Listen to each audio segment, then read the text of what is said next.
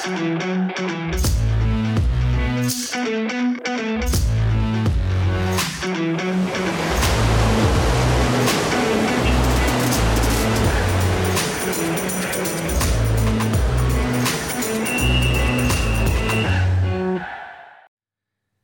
pozdrav svim e, ljubiteljima podcasta pod kapicom, naravno poštovalacima Vatrpola i svega onoga što će dešavati u, na naredne dve nedelje u Hrvatskoj kada je na rasporedu evropski šampionat. I videli ste i kroz najavu našim Instagram profilima da ćemo se baviti najavom tog šampionata koji ćete moći direktno i ekskluzivno gledati na kanalima Sport kluba. Sport klub je obezbedio sve utakmice u direktnom prenosu, tako da eto, svi oni koji vole vaterpolo zaista mogu samo da se udobno smestu u svoje fotelje i da, i da uživaju u, naredne dve nedelje. Videli ste da je moj današnji gost, dragi kolega, neko od koga smo, makar mi kolege i učili neke i pojmove vaterpola i isticali neka, ajde da kažem, neka prva i iskustva radeći a, taj sport Dejan Stevović, čovjek sa kojim sam ja počeo neku svoju novinarsku karijeru, do duše ne baš pratići vaterpolo, ali eto, negde su nam se sudbine ovaj, poklopile sada u, u, u, ove, da, da. u ovom kasnijoj fazi, pa i moje karijere, ne samo tvoje, deki, Tako pronašao da, si se na vreme. Da. Pronašao se na vreme, da. Trebalo mi je malo duže da se pronađem, ali pronašao se. Važno je da se pronašao. Tako je. Ovaj, kaži mi, deki, tvoje, ko zna koja je malo lično, ću malo da uvedem ovako ličnu priču. Ko je ovo evropsko prvenstvo? Bićeš u Zagrebu? Ovaj... Da, od petka sam u Zagrebu, uh mhm. -huh. pa 14. 14. Od 91. u Atini. Pa evo, propustio sam, mislim, Firencu, 99. i one sankcije, a od 2001. sam tu bio stalno. I pa sad si rekao, propustio si Firencu. Pa a, ti si u stvari uh, bio samo na dva prvenstva na kojima Srbija nije ovaj, osvajala medalje, tako? Za, za, za pa, sav taj period. Za evropsko prvenstvo, da, u Firenci nisam bio i tada smo bili, ja mislim, sedmi. Da i u Splitu ovo što se izdogađalo sa tim devetim mestom, ali sam ponosan što sam bio na svim kad su uzimali medalje kao Jugoslavija i SCG da. i Srbija. Da. To je lepo bilo. E, kaži mi sad, Eki, šta, ajde neka, neka tvoja ocena, ovaj, uh, kad razmišljaš sad o ovom prvenstvu, spremaš se za put, uh, da li misliš da, da Srbija može da se vrati, ovaj, nije dugo bilo medalje, preko dva evropska šampionata Srbija nije bila među osvajačima medalja, da li je zaista sazrelo da se da se vrati taj neki taj neki put uh, obosut medaljama? Pa bio bih preveliki optimista kada bih ti rekao da je Srbija uh. U najužem krugu kandidata za medalju. Ona to u ovom trenutku nije realno gledajući, ali je za razliku recimo od uh, Splita, Strasbura, Fukuoke, ekipa s kojom nije, neće biti lako da se igra. Uh -huh. Mislim da Stevanović, selektor, ima prvi put sastav koji je želao, da mu možda sem Vučinića ne fali niko drugi i da se vidi jednostavno koliko ta ekipa u ovom trenutku može. Uz neku sreću, sreću neki splet okolnosti, ta reprezentacija može daleko da dogura, ali u ovom trenutku mislim da ipak reprezentacije poput Španije, Grčke, pa i Hrvatske, zato što je domaćini, imaju neku prednost kad su u pitanju borbe za medalju. I pritom ono što je jako bitno, što može bude jako nezgodno, mi startujemo iz da tako kažem sad popularno nazvane druge lige, igraćemo tri lagane utakmice sa Nemačkom, Izraelom i Maltom do prvog našeg finala u osmini finala sa rivalom koji će biti Crna Gora ili Francuska, a oni će imati za sobom tri jake utakmice, tako da to može da bude mač sa dve oštice za koju Stevanović treba da spremi ekipu, da u toj utakmici deluje zaista najbolje što može. Da, već si pomenuo te neke, neke rivale, pričat ćemo o tome, ali uh, svi smo negde usmereni ka toj osmini finala i rekao si, evo, mi danas snimamo četvrtake, znači se rezultat dok budu ljudi gledali podcast, manje više taj poražen iz meča Crna Gora Francuska bi trebao da bude rival u osmini finala ukoliko Srbija pobedi sva svoja tri rivala. Interesantno smo u ovu fazu i došli uh, upravo zbog poraza od Francuske u Splitu uh, koji je bio ne tako davno uh, gol razlike, jedan šokantan poraz, možda i, i najteži koji je reprezentacija Srbije doživjela u prethodnih 20 godina. Da, to je bio pravi šok. Mada je ta ekipa bila šokirana već i u grupnoj fazi kada su Mađari, Mađari pobedili 9 ili 10 golova razlike. Francuzi su nas tu, ajde da kažem, rasturili. Vodili mhm. su, ti kažeš, gol razlike, ali bilo je 9-6. Yes. Za Francuze pred poslednju četvrtinu, pa smo mi uz načovečanske napore protiv Francuza došli do 9-9, ali smo u poslednjem napadu sa igračem manje primili gol i to je bio šok, jer ako se sećaš, posle toga u razigravanju za 9 do 12 dobili smo Holandjane na peterce. Jest. Znači, ta ekipa potpuno bila ovaj, rasturena, nije vredela ništa i ceh je plaćen.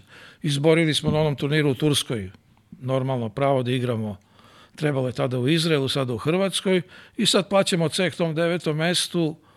Ponavljam, jako je opasno to što imamo tri lake utakmice, tu se ne postavlja pitanje pobednika ni sa Maltom, ni sa Izraelom, ni sa Nemačkom, ali posle toga, pogotovo ako to budu Crnogorci kojima je to poprilično važna utakmica zbog Dohe, može da bude vrlo, vrlo nezgodno, ali sam siguran da je Stevanović sa ovim sastavom koji ima, sa ovim pripremama koje je odradio spreman za tako nešto. Uh -huh. e, pričao si o tome da nema, nema Vučinića koji je povređen, sad da li bi bio na spisku, to je sad Tako stvar je. selektora Stevanovića. E, prvi put, ajde kažem, u ovoj, ovoj novoj ekipi da, da će igrati i Mandić Jakši zajedno. E, sigurno dva igrača koji ispadaju do onaj top kvalitet, mnogi će reći među pet najboljih igrača na svetu. Uh, ta desna strana je mnogo nedostajala, to se videlo na svetskom prvenstvu, bez ozira što ostvaren dobar rezultat. Nije, nije ta desna strana, prosto nije bila funkcionalna napadački, pre svega sada sa Mandom imamo onako i širi dijapazon kada pričamo i o napadačkoj igri. Uh, da li iz te neke energije i činjenice da ih nije bilo zajedno u timu, Manda i nije bilo jedno vreme, verujem da tu motiva neće nedostajati, ako je Manda bolestan, pitanje da će igrati ovu prvu utakmicu uopšte. Uh, da li vidiš tu neku pozitivu ovaj, i, i činjenicu da, da ova ekipa je gladna uh, medalja i, i da, da tu mogu da traže neku, neku svoju šansu za, za, za, za veliki rezultat? U svakom slučaju. Ali treba da kažemo i da su oni u Fukuoki uradili više nego što se očekivalo po pitanju plasmana, To je jedna stvar. A druga stvar, što je u odnosu na Fukuoku promenjeno 40% sastava. Tu je šestorica novih igrača i kažem, ti si u pravu Vučinić, da li bi bio ili ne bi bio, ali bi bio sigurno tu jako, jako blizu. Vratio se Viktor Rašović, E, tu su centri, Vico je tu, promena je na golu ovaj, Filipović mesto Mišovića, to su neke nijanse, ali 40% sastave je promenjeno, šest novih igrača i sada oni imaju neku hemiju na bazi te Fukuoke, jednu energiju gde, se, gde su jednostavno dokazali da oni mogu. Uh mhm. -huh. Dokle će oni moći sa ovim igra, ekipama koji su ipak u dužem stadijumu zajedničkog igranja, pitanje. Ali da mogu da iznenadi, italijani su to videli uh -huh. u mhm. Fukuoki, dosta smo im poremetili planove. Ovaj, e, da li možemo da iznenadimo? Mislim da možemo, treba da se dosta toga poklopi, da odigraju najbolje što mogu. Povratak Mande, to se videlo u Budimpešti. I na ovom turniru igrao je odlično, e, bez, nekog, bez neke groznice da se dokaže ponovo, iskusno, rutinirano, dao je 12-13 golova i, bio je, i zaista je pokazuje da, je, da će to biti pojačanje kako recimo ima Hrvatska u Fatoviću i Lončar, na primjer. Uh mhm. -huh. jedan, jedan onako ozbiljan nivo zrelosti se vidi kroz igre u Ferenc Varošu. Ne samo kada su pitim on Mande, svi očekuju sad Manda će da se digne i to je pola posle rešeno, ali da asistencije ume da odvuče pažnju, da odigra pravo, pravo vreme, navuče žargonski dva igrača na sebe, odigra asistenciju. Sigurno nešto nam je dostalo na toj desnoj strani gde, gde baš onako Tačno. smo se mučili u fazi napada u Fukoki. Jeste, ali imaš i jednu drugu stvar. Oni i Jakša su svašta, svašta prošli. Da. Jakša je otišao u Fukuoku da nije znao da li ima klub ili nema. Yes. Pa je u Fukuoki igrao odlično. Manda je sada ovaj, u Ferencvarošu ne možeš kažem sazreo, on je zreo igrač, zna sve, ali je dobio mirnoću jednu sistemu koju mađarski vaterpolo ima, on je usresađen na trening, na utakmicu, igra sa vrhunskim igračima, vrhunskog eh, trenera ima, on je miran. -huh. Nema nikakav pritisak. I to može da bude veliki plus za Srbiju u celoj ovoj priči. Njih dvojica, ali da ne zapostavimo druge, i to je Strahinja Rašović, Strahinja, strelac svetskog prvenstva, Bane Mitrović, Savar Anđelović, dve zlatne olimpijske medalje, da ne naberemo dalje, jer ćemo se o nekog ogrešiti. Da, da. Ali to je ekipa koja zaista može ovaj, može da bude jedno od prijatnih iznenađenja i ja mislim da će oni eksplodirati tek u Dohi, gde bi trebalo da, ako sad ne uradimo, ali da u Dohi uradimo taj Pariz i da u Parizu pokažu šta znaju. E, ajde za, za, za kratko ću samo te prebaci, pošto eto da čisto gledalcima koji ne prati tako pomno, on, ono što je suština, što je najvažnije u stvari sa evropskog prvenstva u Zagrebu i svetskog u Dohi je obezbediti olimpijsku vizu. E, stvari stoje tako da, da šampion Evrope ili ti ekipa koja bude potencijalno igra u finalu sa Mađarskom ili, ili Grčkom, eventualno, pa bude i poražena, ona će obezbediti plasman u, na, na olimpijske igre. E, praktično ćemo dobiti osmog putnika na olimpijske igre i ti negde teoretski čak i 12. pozicija u Dohi može da ti obezbedi odlazak na, na olimpijske igre. Tako da olimpijske igre ne bi trebale da budu da budu problem. Znači, eve, može da se ostane bez njih, ali stvarno u tom nekom rasporedu sada, kada, kada gledamo realno, mislim da Srbija je onako blizu plasmana na, na olimpijske igre, samo to treba potvrditi u, u, u bazenu. Pa jeste, ako ćemo da ovaj, računamo napred, tebi može iz Zagreba dodi da četvrta ekipa ako su prve tri Mađarska, Grčka i Francuska. Tako je. To će da. neće dogoditi, ali Francuzi da. to neće biti. Verujem da ni Mađari neće A, biti. A s obzirom na tim, da teško. ovo što si rekao, ekipe koje su sigurne su Francuska, Grčka i Mađarska. Tako je. Najbolje plasirana ekipa pored te tri ide dalje. I još dve ekipe idu u Dohu koje do sada nisu to ostvarile, a Srbija srećom, zahvaljujući Fukuoki, jest. Kada dođemo u Dohu, imamo osam učesnika, to su pet kontinentalnih prvaka i tri uh, ove reprezentacije koje sam pomenuo i ostaju još četiri mesta za koju po meni će konkurisati pet evropskih ekipa.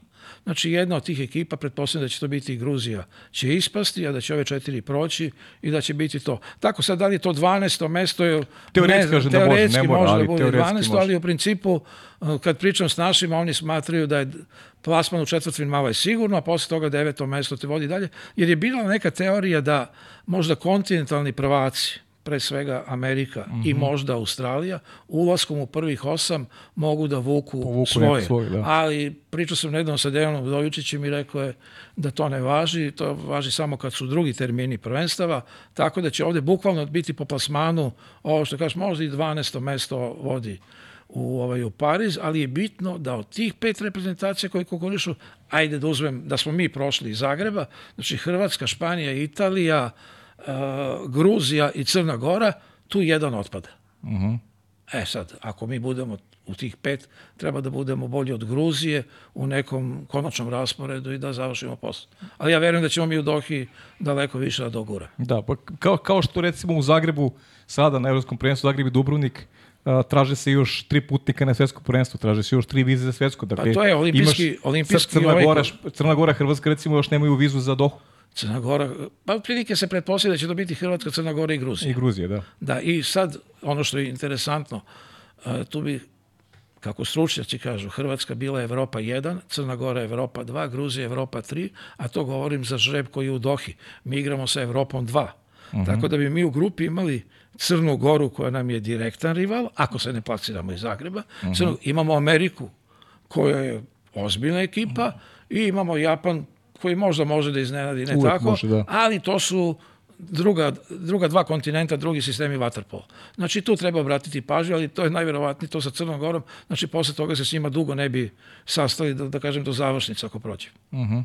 Dobro, treba, treba i to da protumačimo s obzirom da, kažem, ipak je, je kruna ove godine, su ipak olimpijske igre u Parizu, nešto što je najvažnije takmičenje i sad ne, ne pričamo ovo zbog nekog alibija, ne, momci imaju, sami imaju svoje ambicije i želje, plan je da, da osvoje medalju, to je ono što je, je, uvek Srbija ide na medalju i to, to nema šta mi da im pravimo alibi, nego prosto samo govorimo e, redosled e, stvari i, i kako, kakva je prohodnost do Pariza, što je naravno najvažnije. Oni, tu ima 6-7 igrača koji su tako prošli karijeru sa medaljama. Ali kad pričaš recimo sa Jaksom, pa tu nema, on ti kaže, ma idemo mi po zlato, onda igra sa kućnim savjetom svojim, on bi kaže, ma idemo da. mi na zlatnu medalju. Prema tome, to je njima usađeno. Sa bezobrazlukom sportskim, koji imaju ostali deo ekipe, Drašović, uh mhm. -huh. Radulović, Mali Lukić, to može da bude, tu, nikad ne znaš sa koje strane će da, da gruva. Pogotovo što mislim da će i Stevanović malo da menja te pozicije u napadu, mm -hmm. da ih dostaju, da rivala stavi u neke nezgodne situacije, da ne zna da će da mu seva od Mande ili od Strahinje, ili će da pucaju Jakša i Radulović. Ima tu dosta, Lukić, dosta Lukić, Lukić, Lukić ima tu dosta dobrih ovih. Pa kažete, ne zaboravi na Drašovića. On je strahovito ovo u šutu jest. i može da iznenadi, a kad gledaš Savu u mađarskom prvenstvu Ranđelovića, on tu i tekako zna da bude najefikasniji u Vašašu. Prema tome, Srbija ima sada dobru ekipu i može mirno da igra, da pokaže svoj kvalitet bez pritiska, jer si, mislim, bilo bi čudo da ne ode u Pariz. A kad se ode u Pariz, onda kom opanci, kom obojici. Tako je, lepo si rekao, pogotovo za Drašović i to, to sam mu i rekao i u podcastu kad je bio, zaista fenomen, to se vidi si da uzimi odgovornost i, i, i, mnogo toga se bazira na, na, na njegovim kvalitetima. Ne samo igra u napadu, nego i igra u obrani. Zaista je mnogo, mnogo napredo. I ne zaboravi tri centra, imamo jednog Vica. E, Vica se, Vica se vratio, to ste ti Vica se vratio, kako... on delo je fizički vrlo moćno. Uh -huh. Vrlo moćno. Na tim utakmicama Uba i Ubović i on su dominirali. Lazić je tu malo bio po strani, ali čim je Stevanović odao svu trojicu i tomu da je neke mogućnosti da kombinuje gde će, šta mhm. će, hoće. Mislim da i Vicu isto ima taj motiv posle svega što mu se događalo da pokaže da nije zaboravio da igra vaterpolo. Verovatno je igrao tako dobro da ga je Stevanović video i na pripremama i evo ga tu je. Da, to mi se dopada, znaš, tu je uvek postoji, uvek je važno uh, potisnuti neke i sujete i uh, kada biraš ekipu da biraš ono što je u funkciji tima. Bez ozira neku možda prošlost, na neke, neke događaje koji su obeležili neki, ajde da kažem, neki, neki takmičenje ili šta god, Jeste. ali da se izabere ono što je u službi tima i to mi se mnogo dopada, uh, aludiram sad recimo na, na taj povratak Nemanje Vica. Povratak Vica, jasno. To mnogo znači. Drugo, što su različiti centri. Uh mhm. -huh. Vico i Ubović, odnosno Vazić, malo stilom igre podsjećaju na Pjetlovića i Nikića. Nisu ta klasa. Još, pitanje da će ikad biti, ali daju mogućnost Stevanoviću da prema protivnicima bira ko će da uđe, kome daje više šansi. Ne zaboravi da tu Manda ulazi kao drugi da, centar, da, bez da. problema. Jakša zna da upliva, zna da odigra sve.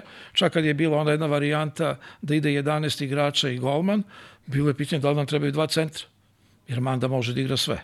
Pa znaš kako, pogledaj generalno uh, stil koji, koji Žile forsira u, u, u Novom Beogradu.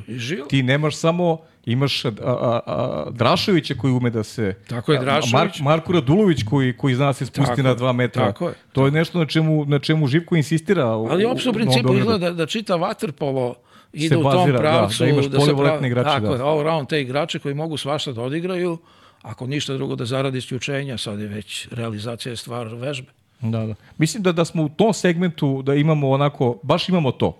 Te polivalentni igrače yes. koji mogu da odigraju na više pozicija i da, što si rekao, da, da, da Uroš ima tu prostora da, da, da, da kombinuje yes. i da eventualno eto aj kažem iznenadi rivale koliko mogu da se iznenade na tom nivou jedni drugi. I pazi, samo bih pomenuo još ovog malog Jakšića, mm, Petra. Petra, aha. Znači imamo dva para braća, uh mhm. -huh. Rašovića i Jakšiće koji, ja ga nisam mnogo gledao u Partizanu ove godine, ali sam slušao da napreduje, znam da je kod Stevanovića bio u tim mlađim selekcijama, ali ovo u Budimpeši što je odigrao, bilo je vrlo, vrlo korektno i ja nisam iznenađen što je našo mesto među 15, da je 13, nisam siguran, ali u 15 je red da mhm. imamo i takvog igrača, jer on je igrač koji može da napreduje, on je, mislim da ima 21 godinu, uh mhm. -huh. ovaj, brat mu je tu kao neka varijanta koja će ga smiriti. Neće on, pretpostavljati, imati neku veliku minutažu u onim kasnim utakmicama, ali će za njega biti ogromno iskustvo i zato mi je žao, ali to je sad glupo što ću reći, što nema 17 igrača, pa da je otišao Gladović, koji Aha. će biti sigurno Pa ima, vre, ima mislim, vremena, ima vremena za, njega, za da. njega, ali mislim ako on ne bude veliki igrač, onda krivicu zajedno dela on sami treneri koji ga vode. Uh mhm. -huh. A šta se šta razliku, ajde, ako onako ti si neko ko gleda, bukvalno si u vatripolu ceo život, da, sa, sa, sa jakšom, starijim, teško bilo koga može da se poredi i ne želim da ih porediš Petra i, i Nikolu, nego šta Petra razlikuje u odnosu, u odnosu na, na, na Nikolu? Pa, pazi, mislim, ja jakši kažem uvek, mali ti si za mene najbolji na svetu.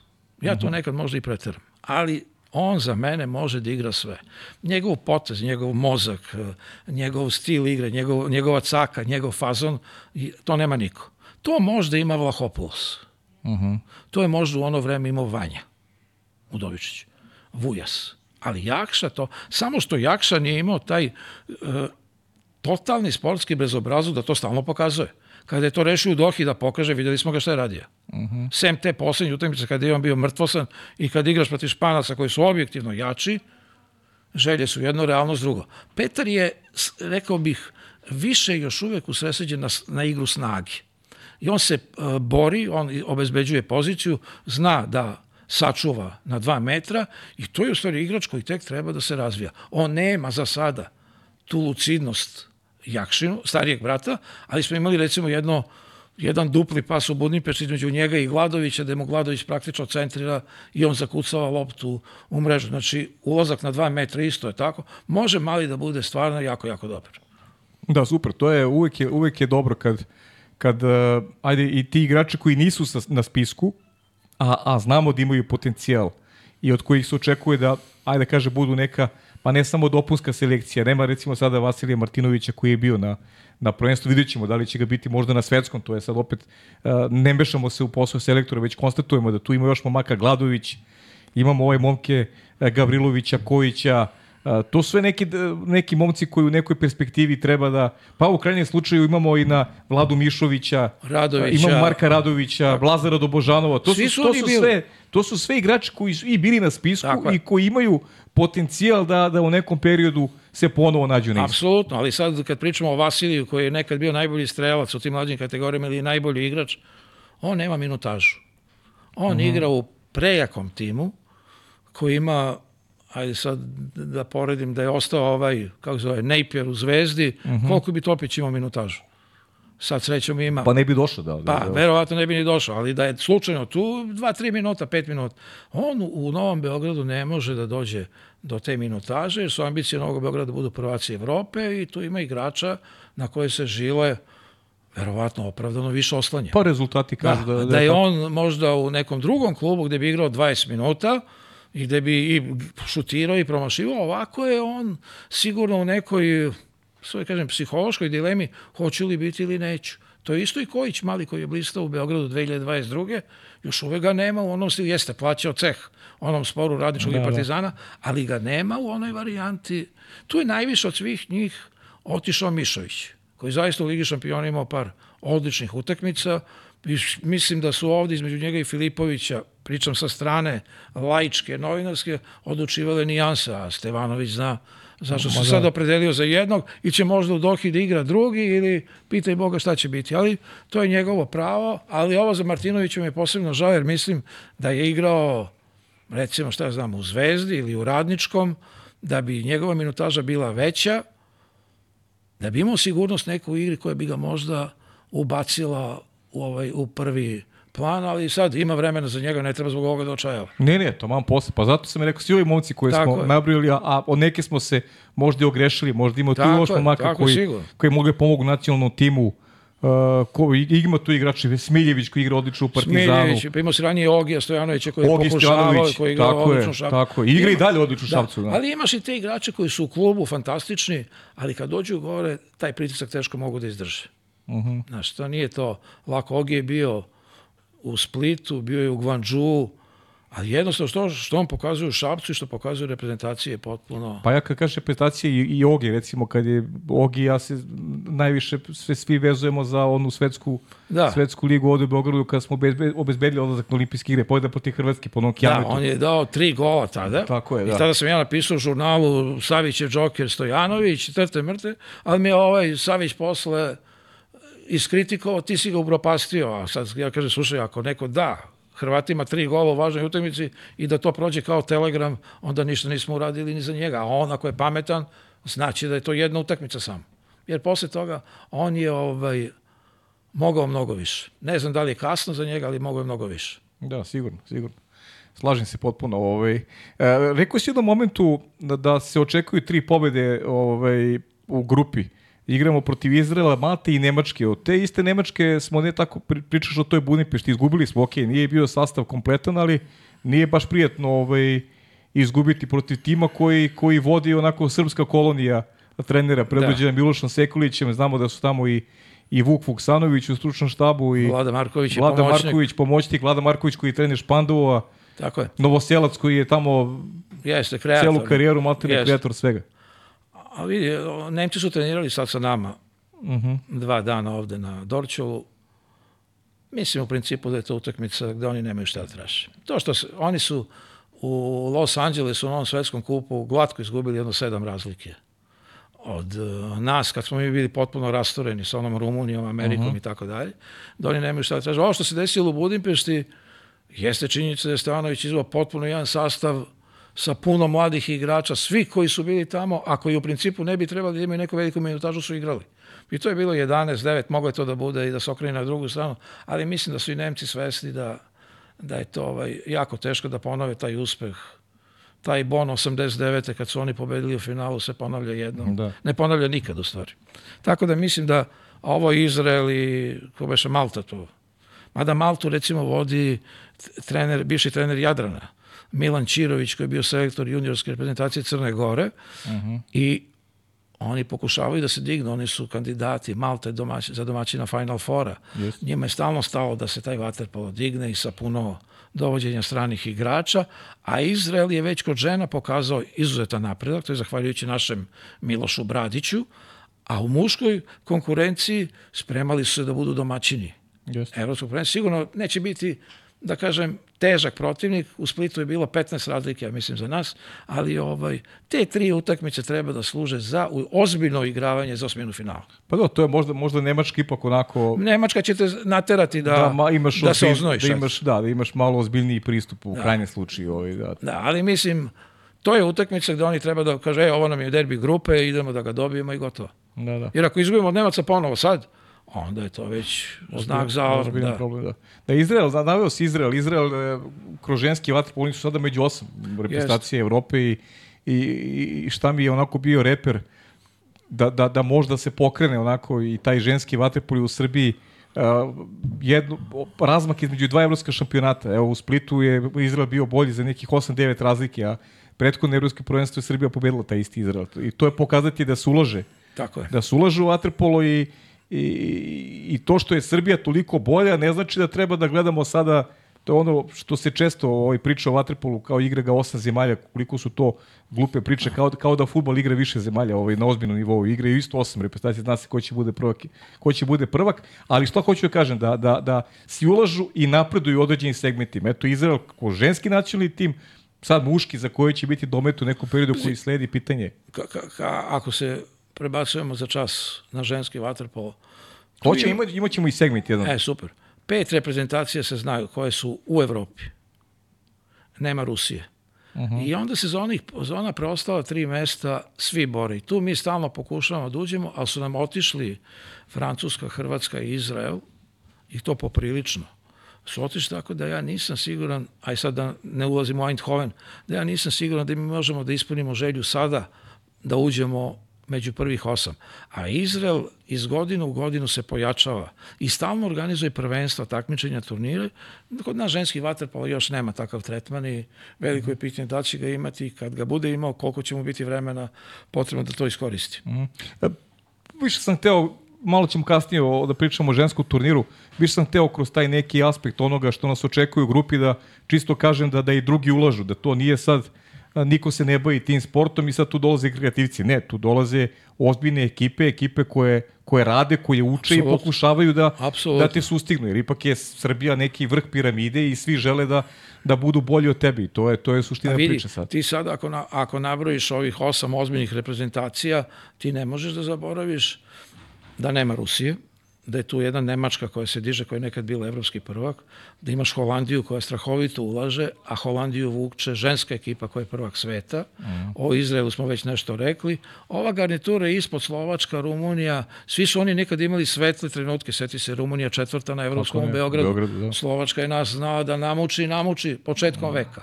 Ali oni pokušavaju da se izvuku i treba im vreme da postoji vaterpolo podeljena u dve lige, kao što je nekad bilo A prvenstvo i B prvenstvo, da igra svako sa svakim, možda bi to bilo interesantnije, pa ispadanje, pa kvalifikacije i tako dalje. Ovde imaš neki tri, neki, nekoliko utakmica koje su potpuno teške za gledanje, zbog velike razlike uh -huh. u mhm. kvalitetu. To imaš i kod žena.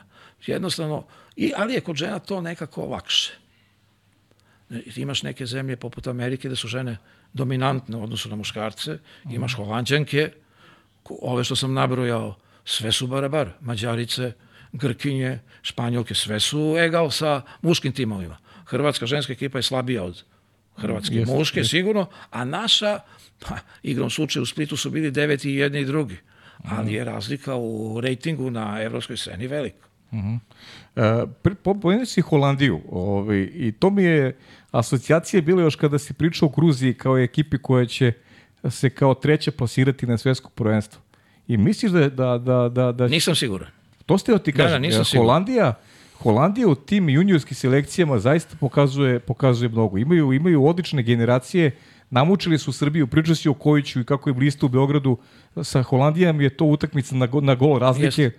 E, zaista mnogo ulažu i neko se diže vaterpolo u Holandiji. E, čak sam negde bliži, veruj mi, ovaj, da, da Holandiju vidim možda čak i pre Gruzije na, na, na svetskom prvenstvu. Bez ozira što držim e, palčeve Dejanu Stanoviću i, i, i ovim našim momcima i želim im od srca da se plasiraju Dohu, ali ali Holandija, Jeste. Holandija napreduje, mislim ima veći potencijal, veću bazu u krajnjem slučaju. Tako ima ligu. ima sve, ligu, sve imaju, sve imaju što Gruzija nema. Tako je, pritom oni se ne oslanjaju na dovođenje stranih igrača. Ovde su Jelača, Vasić, Pješivac, Stano je na klupi. Boris Vapenski. Ne znam da li je Boris sad. Nisam, nisam siguran da je prijavljen. Nisam siguran. Ja, ja, ja nisam siguran da jeste, ali znam da možda ima, ima pravo tako i je, dalje. Tako je da ima, pa on je, mi smo planirali njega da vratimo, Tako pa je, to je bila mogli. ideja. Tako, je. Tako je. Tako da ovaj, uh, oni sigurno imaju vrhunske uslove. Ali ako nemaš ti ligu, ako si u nekoj situaciji da igraš samo ligu šampiona gde gubiš velikim rezultatima, ne možeš da opstaneš. Ali Holandjana i nema. Onaj Amersfoort koji je nekad bio koji igrao finale s Partizanom, to više ne postoji.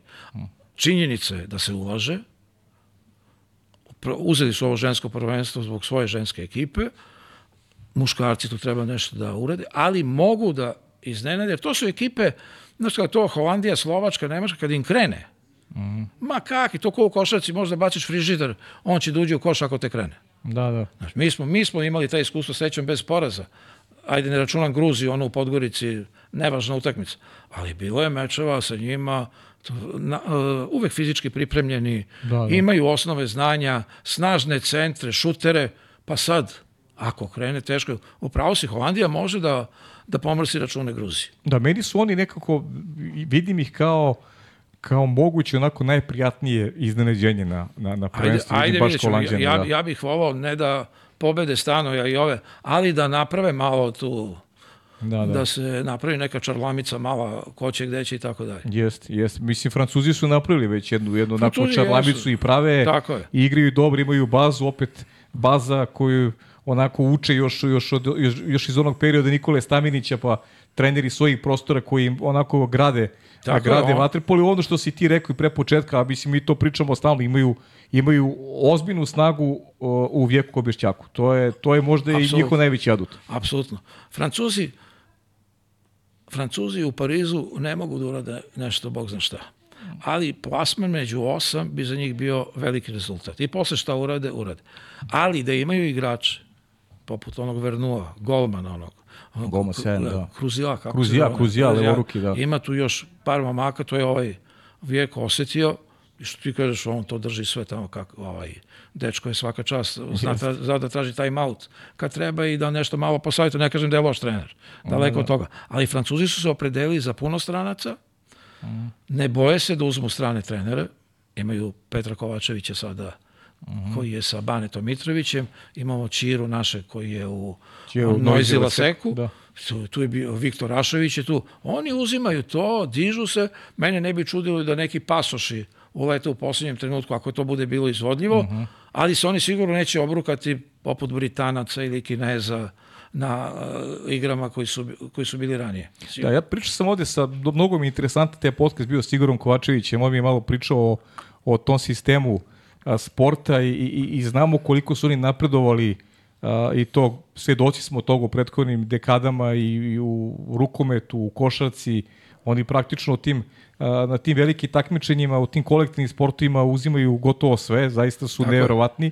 I vaterpolo se sve više ulaže, pa mi je pričao Vernu da su ga mnogi su mu sugerisali da se opredeli za drugi sport, pošto je onako dete bilo onako multitalentovano, ali je ta ljubav prema vaterpolu prevladala, ostaje u vaterpolu, iako su mu sugerisali da može zaradi više u drugim sportovima i da ima sve više momaka koji su zainteresovani upravo za, za vaterpolo i mislim da oni su zaista velika sportska sila. Apsolutno. Prito taj sistem rada i obrazovanja koji imaju im daje taj neki, e, kako bih rekao, elan i, i nadu da i u Waterpolu mogu da... Ja mislim da će Francuzi biti ozbiljan rival svima na, na olimpijskim igrama u Los Angelesu.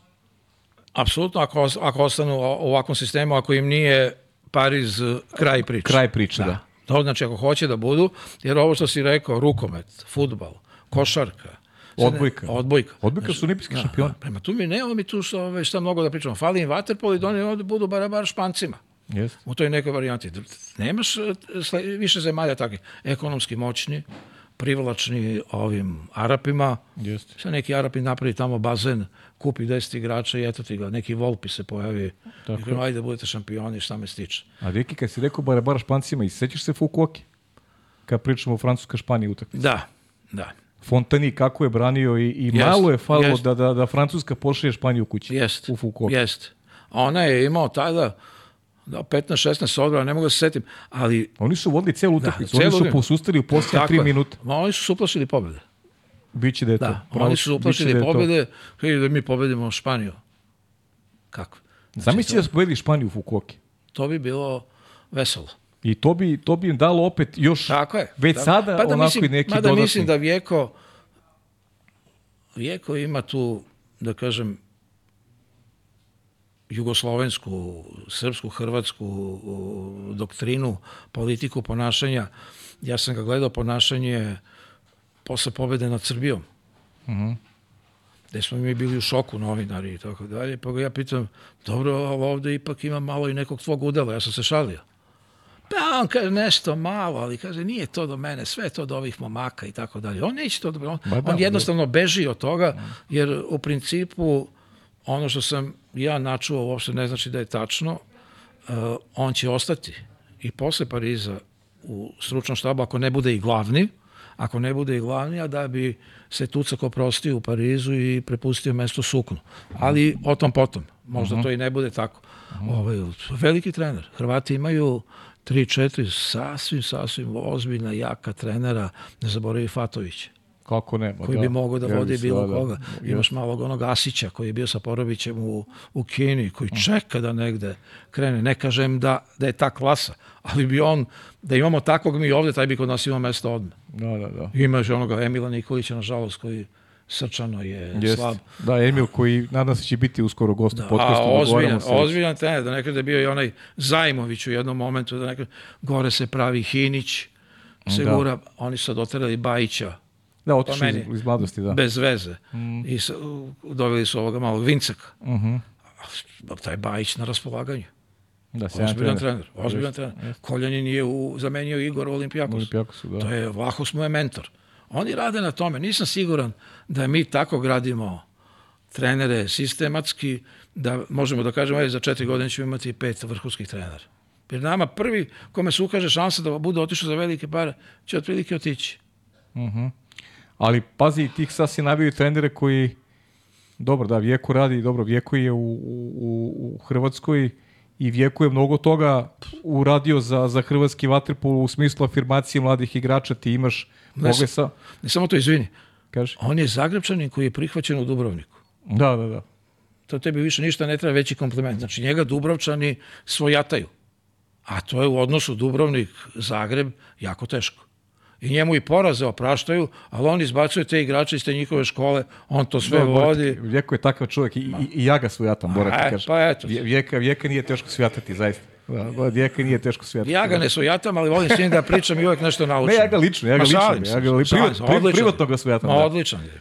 Da, privatno ga svetam, ali, ali upravo si daš kako pričamo sad o trenerima, malo smo, ali o, ok, i negde nam i posve da pričamo i da, i da širimo teme. Ovaj. Uh, kad govoriš o trenerima, uh, baš sam pričao ovde i sa, i sa, i sa, i sa Dekim Jovićem i sa Markom Avramovićem povodom ovog trenerskog seminara koji je, koji je održan. Uh, mnogo trenera naših trenera koji, koji radi u, u inostranstvu i, i, i verujem da bi drugačija slika bila kada pričamo i o afirmaciji tih mladih igrača da imaju u sebe priliku da, znaš, Igor Milanović koji je bio u Peru, De, De- Dejan Savić koji je sada u, u Arabiji, uh, oba Ćirića koji rade Re, Reko, Noizila Sek, uh, Pa imaš Markovića, imaš Sekulića. Markovića, imaš Sekulića, Stano je... Stano je Dejan već u- Stanović koji je godinama već u, Ma u ne bi se Gruziji, ni Rumuniji. evo sad da. sam čitao da je neki naš sa nekim finskim klubom osvojio kup. Zaboravio sam koji, ajde, nije to. Ali ovaj, Zoran Milenković koji Zoran isto, Milenković, ko, da ne ko, pričam, ko, ko zna od kad isto to je nije meni, ovde. baš mi je žao što nije napravio neku karijeru, mislim da je mogao.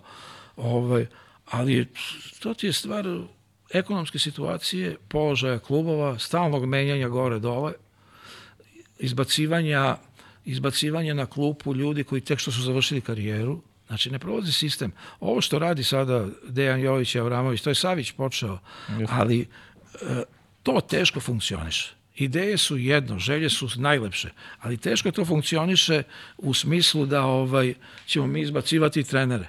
Mi moramo da imamo, da se vratimo i na neke stvari koje su bile vezane i za Jugoslaviju, pa i za srpsko-crnogorski vaterpol. Da se određeni regioni e, školuju po doktrini vrha. E, ko je sad taj vrh? u srpskom vaterpolu koji će kaže treba trenirati ovako. Mi smo Dejana Savića izgubili na neko vreme u Saudijskoj Arabiji, čekamo da se vrati duđe. Pazi, ne zaboravi, Dejan Udovičić ima 53 godine. Da. Njega niko ne pominje. On 10 godina vodi Amerikance. Znači, vrhunski trener. Da mi koristimo Kako ta ne, da. iskustva da. i da bez nekog ega i bez neke sujete, pa znaš koji su treneri bili u staroj Jugoslaviji? Až da je, pre. A posle utakmice idu na piće i dočekaju zoru ali na utakmici, brate, oči da ti izvadi. Ali no. treneri. E, mi sad tu, koja je ta vrednost? Ja se uvek zezam pa kažem, ko dođe prvi na bazen, on je tog dana trener. Mi imamo, ja svake nedelje menjam uh, ažurirani spisak trenera, članova koji rade u, njih ima dve stotine. Ja ih 170 ne poznajem. Ne moram ja da ih znam ali nisam siguran da znaju ovi koji im daju licence. Na osnovu čega oni dobili licence? Sa kojim znanjem, kojim rezultatima? Pa stalno su tu Partizan, Šabac, novi, Vukovi se pojavljuju. Imaš jedan, i da završim sad ovu temu, imaš jedan fantastičan intervju koji je Nenad Vasilovski dao uh -huh. tom udruženju trenera. E, to je za mene obrazac kako treba da funkcioniše srpski vaterpol, jer kola je prošlo sve. Od Ratka Rudića do kratkog boravka u inostranstvu, vodio sve klubove, napravio gomilu igrača, ali tačno zna koji je sistem. I govorio je, ali da sad ne ulazimo u to, o uticaju roditelja koji je mhm. katastrofal. Da, da, to je, to je baš široka Rak, tema. Da, da ne ulazimo Široka tema, a pritom je, imamo i taj segment, baš smo ono, pričali sa, sa Dekin, dotakli smo Nikole Stamenića, koji kad je počinio karijeru, nije se libio da, da radi sa s onim najmlađima i to je sad... Svi su oni počinjali tako. Ta, I Nena Manojlović i svi. Da li su danas spremni svi da počnu da rade na taj način? E, to je, to je, je Jesu pitanje. ako mu obezbediš hiljadu i po evra. Da. A ti čak i u Hrvatskoj. Ja se sećam jednog intervjua koji je Neven Kovačević dao, bio je prvak sa Jadranom Evrope. Uh mhm. -huh. Kaže, mi ne možemo da računamo na mlade, zato što nama trener ima 600 kuna. To je tad bilo negde, aj ne mogu se setiti koliko uh mhm. -huh. evra, pa neće on da radi. Jer svi oni dođu, odrade trening, pa se onda bave svojim glavnim poslom od kojeg žive. Uh -huh. To ovde nemaš takav sistem urađen. Hteli mi to ili ne, Waterpolo ima najviše love sada nego što ikad imao. Ali da li se ona pravilno raspoređuje, to je druga stvar. A to odmah možemo kažemo se ne, ne raspoređuje samo pravilno. Stvar, samo ću još kažem jednu stvar. Perica Bukić je jedan put pričao o Partizanu koji ima bazen. Pa on je govorio, šta će Partizanu bazen? Jer bazen propada on lovu koju dobije treba da uloži u popravku bazena. Ne, on će da ga uloži u kupovinu igrača ili vraćanje dugova. A bazen propada. I Banjica se ove, u ovom veku tri puta renovirao, a sad ne radi uopšte. Da. Zato je neko kriv. Naravno da je kriv. E, a ko to ne znam. Pa ne znamo, to nećemo ti ja da rešavamo. Da, da, pa ne. Mi se kupamo, na, mi se kupamo na tašu. Mi se kupamo, ja. ja u Metropol, ono ti kažem. Ja u Metropol. Da, dobro, ti, ti možeš, da, ti si... ti vodiš pa, podcast. Ali, ali sam blizu taš. Pa dobro, vidjet ćeš me kad ja izađem. Vide, vidjet ćete. Ajmo da razbijemo našu priču. Ovo, ovaj, imamo, potrudili se naše kolege, naše drage kolege, ovaj, e, Marko Štefanek e, iz Total Waterpola, njegova analiza onoga što se očekuje je malo duža, ali ga uvek vredi slušati, tako da Marko Štefanek ima reč, pa se vraćamo Dekija našoj analizi, našoj priči. Pozdrav ekipa, pozdrav svima u studiju. Pozdrav ekipi podcasta pod kapicom i hvala vam na još jednom pozivu u, u vašu emisiju. Danas smo tu da prokomentiramo malo predstojeće evropsko prvenstvo u Zagrebu i u Dubrovniku i da vidimo nekakve odnose snaga između ekipa koje će nastupati na njemu.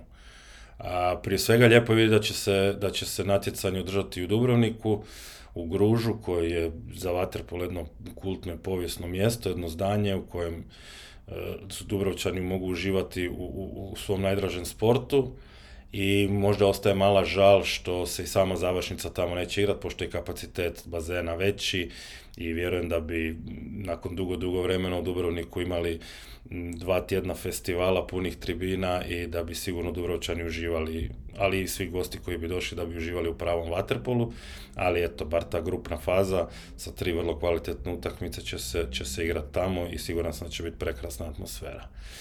Pa ajmo krenuti sa, sa tom grupom A i sa, sa reprezentacijom Hrvatske, za koju, će se, koju se znamo svi vraća Fatović, jedno pa iznimno veliko pojačanje, vrlo vjerojatno trenutno u Hrvatskoj najkonstantniji igrač u posljednjih par godina i sigurno njegova ubojitost u napadu, ali i, vizija, ideja igre same i način na koji on vidi igru je nešto što hrvatskoj reprezentaciji treba i vjerujem da će biti jako, jako bitan faktor u faktoru našoj igri.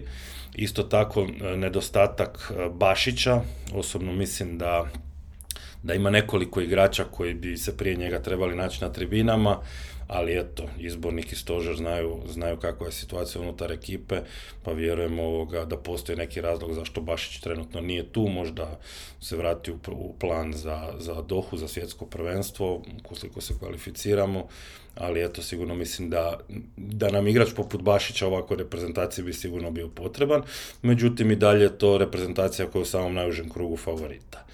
E, što se tiče Španjolaca, mislim da tu ne treba trošiti puno riječi, nema infarmere zbog ozljede, on se ozlijedio, neće nastupati ni na europskom ni na svjetskom prvenstvu, jedan koristan igrač, ali ipak nije on taj ključni faktor u španjolskoj ekipi. E, osobno bi volio možda e, vidjeti Frana Valeru na, na, na popisu, međutim on za ovu priliku nije pozvan, imao izuzetno dobru sezonu u Sabadelju, i mislim da je možda mogao biti na popisu umjesto Unaja Bijela, ali to je opet na izborniku da vidi kojim igrači pašu u konceptu. Sigurno da je španjolski roster izuzetno jak sa Granadosom, sa Peroneom i ako pravi budemo na riz, vjerujem da oni mogu do, do, do najviše do zlatne medalje. E, tu su neugodni crnogorci koji sigurno sa Draškom Brguljanom, sa povratkom njegovim i sa njegovim iskustvom koji će se nasloniti na tu, na tu mladu ekipu, sigurno da mogu možda napraviti onaj korak prema medalji koji mi je nedostajao, tako da bit će lijepo vidjeti kako će se Draško uklopiti u taj mladi tim i vjerujem da, da protiv njih niko ne može računati na bodove. E, za razliku od Francuza koji, e, iako dolaze u najjačem sastavu, s obzirom da su osigurali već da su osigurali već e, nastup jel, u Parizu kao domaćini, u pripremnim utakmicama koje nisu naravno pokazatelj e, i neko konačno mjerilo, znamo da često na pripremama reprezentacije pokažu iznenađujuće rezultate, ali ne ovaj poraz od 23 protiv Italije je stvarno nešto što sigurno nijednom treneru nije drago da, da, da vidi da ekipa posljednju utakmicu prije turnira od ekipe s kojom bi se očekivala da bude u nekakvom egalu, gubi sa 17 razlike. Prema tome, teško je reći šta očekivati od Francuza, Bodegasin se priključio, međutim, nije to pojačanje ranga koje, koje može činiti nekakvu razliku. Oni su pokazali već koliko se francuski vaterpolo diže i da iz natjecanja u natjecanju su sve bliže najvećim reprezentacijama i možemo reći da su sada dosegli nekakvu razinu da sigurno tri četvrtine pariraju i onim najboljima i sigurno da mogu dobiti svakoga, međutim možda u ovom trenutku na ovom natjecanju mislim da, mislim da će se fokusirati možda čak i na svjetsko prvenstvo u smislu nekakve fizičke pripreme da će pikove gađati možda čak i za svjetsko. A, prema tome vidit ćemo, ja osobno ih ne vidim tu u krugu najužih favorita, ali sigurno da neko mogu pomrsiti račune. A, što se tiče grupe B, Mađari došli bez osam ključnih igrača, bez osam najboljih igrača, sigurno sa jednom mladom ekipom koja je izuzetno potentna. To je pretežito ekipa koja je bila svjetski prvak i već godinama je među najboljim mladim ekipama svijeta, predvođena sa, sa Vincom Vigvarijem. E, tu je također njegov brak Vendel i puno mladih igrača poput Fekete, Apola, Nađija koji sigurno da ovoga, možda nisu još toliko poznati na, na nekakvom vaterpolskoj mainstream sceni, ali nemojte se iznenaditi e, ako Mađari naprave veliki rezultati sa ovom ekipom jer ja osobno mislim da ti mlađi igrači puno bolje mogu nekakve misli, zamisli Žolta Varge e, pretočiti u, u stvarnost u igri nego e, što ih mogu neki stariji već naučeni igrači sa nekakvim svojim mehanizmima. Varga igra jednu brzu igru bez centra, gdje, gdje ima jako puno plivanja, jako puno proplivavanja, jako dinamično, što nekim starijim igračima i stvara problem, pogotovo koji su naučeni na, pozi, na pozicione napade, a ova jedna mlada ekipa je vrlo poletna i mislim da čak bi mogla osvojiti te njegove ideje vrlo dobro, tako da nas ne treba iznenaditi ako naprave izvrstan rezultat i sa ovom ekipom.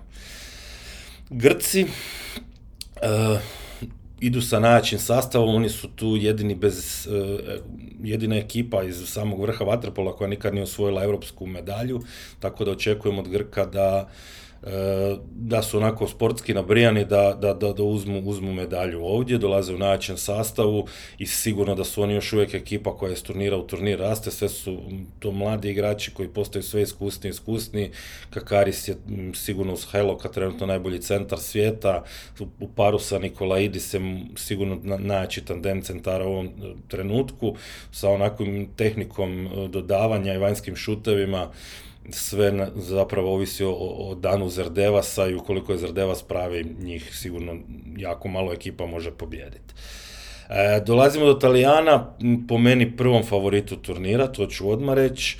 Mislim da se Talijani jako, jako dižu, da od, za razliku od većine reprezentacije ima jedan puno širi roster kvalitetnih igrača koji se tuče za tih 15 u koji trebaju ući. Ako vidimo da jedan doduše mladi igrač, Joki Grata, ali izuzetno polivalentan igrač koji je u svim kombinacijama pro reka i konstantno igra, može pokrivati više pozicija, jedan modern igrač poput recimo Žuvela ili, ili Burića, vrhunski igrač, on nema mjesta u 15 u ovom trenutku, mislim da to dovoljno govori kako mi je Italija rosteru i zbog Delunga na golu koji kada je u pravoj formi e, sigurno jedan od najboljih vratara na svijetu mislim da u ovom trenutku po zaokruženosti rostera po pozicijama i po svemu da Italija definitivno može otići na ovom turniru do kraja. A tu još imamo Gruziju, e, kod koje sigurno postoji velika želja, oni se nadaju nekakvom rasplatu da bi mogli uhvatiti Pariz, to je nekakva zadnja prilika ove generacije sa, sa igračima sa strane i sa mladim gruzijskim igračima da to uhvate. Vjerojatno će priliku za četvrt finale tražiti protiv nizozemaca i koji nisu isto tako, mislim da im fali jedan ili dva igrača e, ponajbolja poput Gilena koji je, mislim, zabio u Splitu čak 13 golova, jedan od najboljih igrača nizozemske reprezentacije, nizozemci dolaze bez njega, znači bit će tu prilike za Gruziju da se, da se dokopa četvrt finala, a onda na jednu utakmicu mogu biti vrlo nezgodni protiv svakoga, jer neće ući kao favoriti i dosad se nemaju šta izgubiti. Što se tiče ovih nižih divizija, tu definitivno mislim da ne bi trebalo biti problema za, za Srbiju pogotovo, a čak ni za Njemačku, da će oni iz te grupe proći dalje a iz druge grupe isto tako Nizozemska i Rumunjska. O, o Slovacima ne znam dovoljno da bi mogu reći da li su u stanju ugroziti Rumunje, ali nekako mi se čini izgleda da će Nizozemska i Rumunjska proći dalje. Što se tiče turnira za dalje, ja kažem, teško je prognozirati, na jednu utakmicu će biti sve moguće, ovisi koji suci sude, koji sudački par se dodijeli koji utakmici, tu može se igrati na puno isključenja, može na malo, puno detalja ima koju, koju mogu presuditi. Ipak ja nekako najviše vidim Italijane i Grke da mogu doći do finala i do kraja, prema meni oni su nekakvi, nekakvi favoriti. Eto, toliko od mene. Hvala vam puno na, na pozivu i nadam se da se uskoro vidimo. Ćao. Čuli smo Deki Marka, ovog puta onako fokusiran isključivo na vaterpolo, znamo da, da Mare uvek onako voli da, da malo ovaj, uh, i neki, neki, neki svoj utisak uh, da apropo, apropo takmiča, ovog puta si isključivo koncentrisao na, na, na samo takmičenje. Pa kad smo već kod takmičenja, ovaj, kako ti procenjuješ šanse, pošto uh, se gledamo i u regionu Hrvatska, Crna Gora, kakve su ovaj šanse uh, Hrvata i Crnogoraca na ovom prvenstvu, kažem, imaju, imaju više struke sad ambicije i da se plasiraju u Fukoku, a naravno da je cilj negde i Pariz, pritom Hrvatska koja će sigurno imati onako najveći teret očekivanja, pogotovo domaći javnosti, jer brane titulu prvaka koju su svojili u Splitu. Ono što je zajedničko za obe ekipe jeste da su jače nego što su bile u Fukuoki. -huh. Ovde su vratili Lončara, oporavio se Fatović, Crnogorci su vratili Lazovića, mada ja više volim Tešanovića, ali vratili su Lazovića i Draška Brguljana. I Draška Brguljana, da. Postoji ideja Hrvatske da ako odu u Pariz da dovedu i Maru Jokovića. On mi je ovako između nas ispričao da su male šanse, Pa to je meni rekao podcast da, isto. da Da, su male šanse, ali je pritisak veliki. Uh, Gojković nema koga da vraća više objektivno, a da ne skače sebi u usta sa ovim što je radio do sada. E sad, što se tiče samih ambicija, pa Hrvatska je uzela organizaciju prvenstva da bi uzela i medalju i da bi otišla u Pariz. Crnoj Gori je najvažnije da ode u Dohu i da tamo traži šansu za Pariz. Mislim da za medalju nisu. Hrvatska jeste. Ako izdrži pritisak koji nameće javnost, novac koji nije sad toliko uložen kao što je koji, kao što je uložen u Splitu, ako izdrže taj pritisak, mislim da su blizu medalje. Da li mogu da nadnu- nadnudre Španci i Grke da budu prvaci, to nisam siguran, ali da medalju mogu da osvoje i da uz neki splet okolnosti možda čak i obezbede tu olimpijsku vizu. Mislim da je Crnogorcima jedno i drugo daleko, čak što ako igraju s nama u toj osmini finala, to će im biti veliki, veliki pritisak. Treba to odigrati, bit će to ako igramo. Ja se nadam da ćemo ipak igrati sa Francuzima, to će se znati kad ovo bude bilo Pa da. emitovano. E, nije im lako, nije im lako, ali mislim da je i to reprezentacija koja bez obzira koliko je Vlada Gojković uvek veliki optimista, da ne mogu u ovoj konstelaciji snaga da priđu samom vrhu. Misliš da, da, da je Srbija onako izrazit, izrazit favorit u tom meču potencijalno sa Crnogorom? Ne mislim. Ne mislim da je izrazit favorit, to se vidjeli u Fukuoki. Fukuoki je bila mnogo Mada, teška utakmica. Jeste, ali ja sad ponavljam, mi imamo šestoricu novih igrača i šestoricu, ajde da kažemo, boljih igrača od onih koji su igrali tada. Mhm. Znači, mi smo za 40% jači. Mhm. Koliko Lazović može da doprinese? Draško Brguljan sigurno, ali Draško, Draško Brguljan- sigurno, Da. da, Draško Draško. Brguljan da komanduje, da bude trener u Ali vodi. se slažem, Tešanović je da. sada već jedan od najboljih golmana sveta, tako da. Tešanović je sila ozbiljna. Da. Tako da ovaj, tu bi stavio šansa ako igramo 60-40 na našu stranu, jer uh, mislim da Crna Gora uvijek ima taj, od uvek, od samog razdvajanja je imala taj problem psihički igrati protiv nas. Po- Ponekad bi uspeli, kao u Malagi, kao u Barceloni 13. Ali utakmice koje su oni gubili od nas, to je za film. Jeste, da baš je za film, da. da. Znaš, tako da mislim... Pa London, recimo, to nam prvo. Pa London, pa polufinale Budimpešte. Jeste. Pa čak i ovde su bili Da, odlični, finale, finale, odlični su 2016, bili, vodili. Odlično, odlično. Strašna ekipa. Pa to je možda i najbolja utakmica ovaj, Jeste. Crne Gore, iskreno koju sam ja gledao, da. Bila je jedna strašna utakmica, ne znam da si ti to gledao. Finale Svetske ligi u Nišu, gde smo mi dobili na peterce. Vanja Udovičić još igrao, znači ovi, znači ne zna se ko od koga bolji. Oba Janovića, Gojković, Zloković. I na kraju Soro odbranio, mislim, dva puta Zlokoviću ili Janoviću i mi osvojimo to. Pera Porović ih vodio. Znači, strašna ekipa bila. Jedna od najlepših utakmica, bez tenzija, dok na kraju par crnogorskih navijača nije pozivalo Andriju, pa malte ne došlo do tuče. Ali sve je bilo fantastično utakmica. Da, da. Pa dobro, i i generalno su dobre utakmice s Crnogorom. to je Da, baš i su korektne i sve. Da, da. Pa ti se Zagreba. Ta u Fukuoki je bila sjajna utakmica. Odlično, oni ti povedu 5-1 i ne znam koliko je bilo. Pa tako, 5-1. I čini mi onda se i oni uplaše. A onda ti proradi ta, ta krv koju Stevanović, da ga ne nazivam Kembe, pošto mu je to... Mhm. Pa dobro, opšte Uroš, da. ove, čije uh, ekipe imaju takav uh, mentalitet da se ne predaju nikada. Takav je bio radnički, takve su bile one mlađe selekcije. On je u stanju da ih digne, da ih psihički drži i to je Da, tada uspalo. I to je uspalo i protiv Italije. Znači sve vreme držiš, imaš na kraju onu varijantu Radulović, Ubović, gde mi stižemo do peteraca, italijani u šoku već. Da, da. Znači igraš sve vreme i tako to, ako reprezentacija to prihvati, a mislim da hoće, i bude igrala bez obzira kako se odvija do kraja, da mogu mnogo da urade.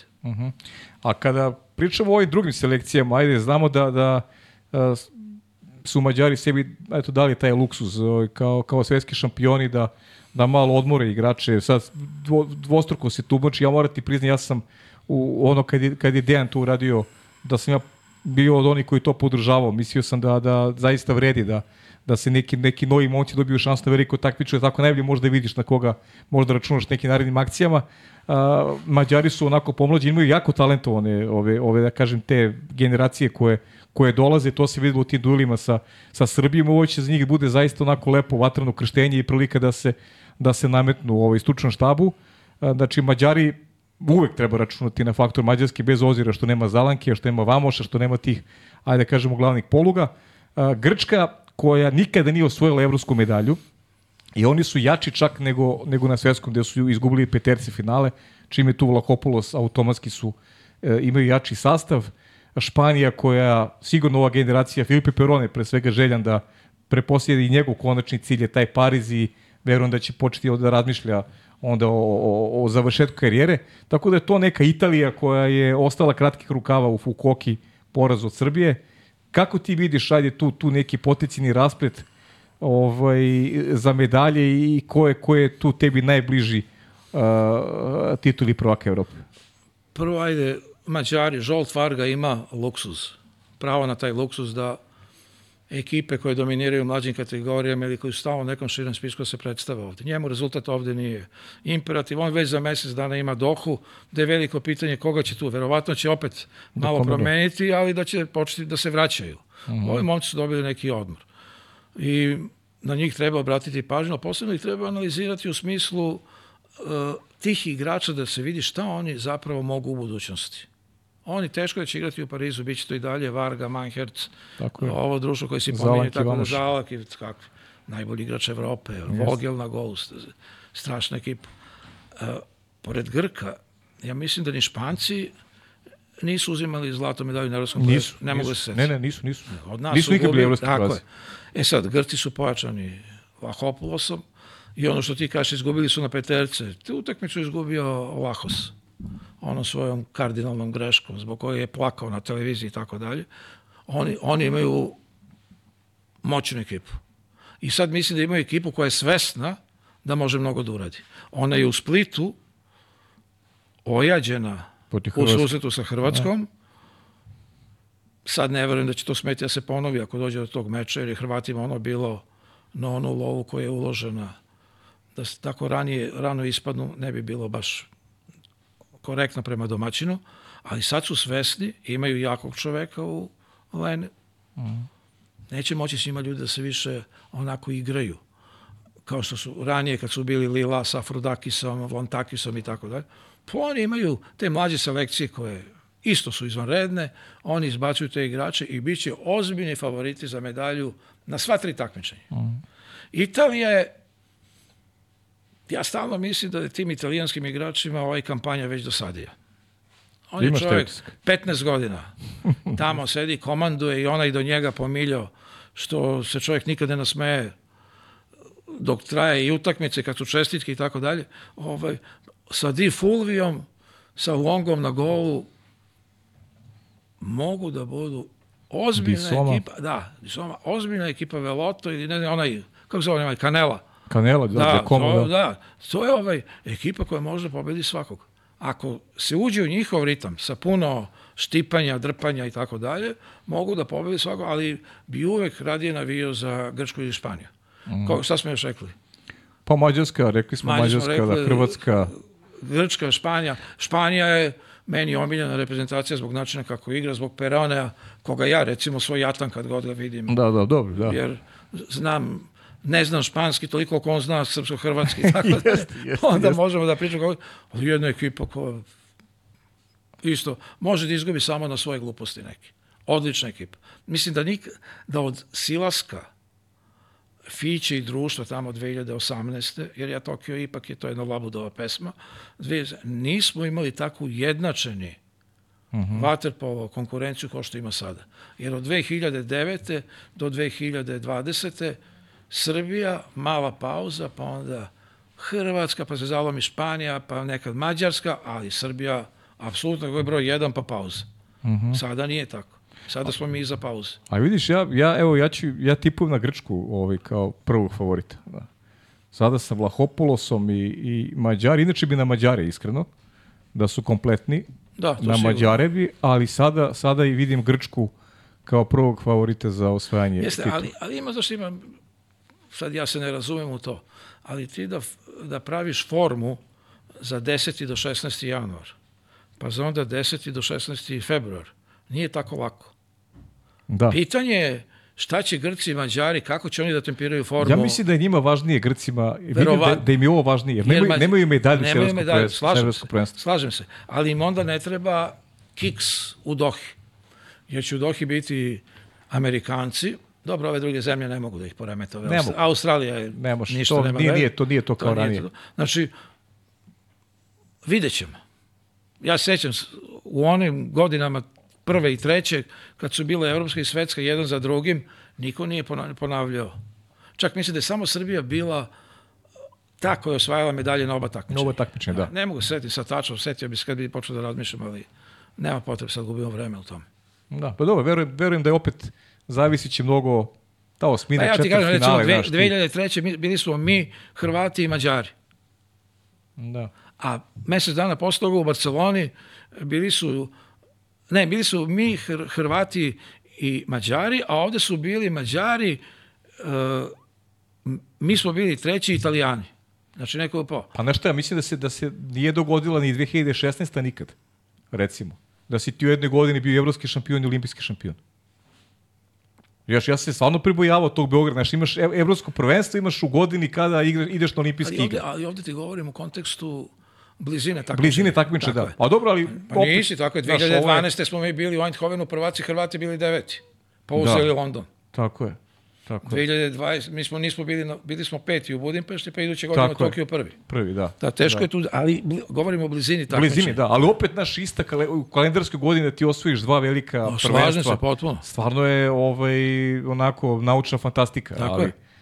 Ti si imao obavezu u Beogradu da odigraš najbolji, znaš, domaćin si prvenstva, znaš, ono. moraš da igraš da osvojiš, nema, nema, tu, nema tu odstupanja. Ti si još imao situaciju da njima na dan finala objavljuju doček na terasi, a oni igraju sa Crnom Gorom. Pa Da, presao im doručak.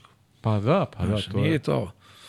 Ali, kažem ti, o, tada je Crna Gora bila moćna, ali treća ekipa je bila Mađarska koja nije mogla da primiriš. Da, nije bilo ni blizu. Nije bila ni blizu. Da, Na tada onom- nije bila blizu. Nije. Kasnije se Španija je 2018. počela, Mm. 2019. je nesrećno izgubila finale u Gvanđu od ovih čuda Italijana, Italijana, da. ali su stalno tu.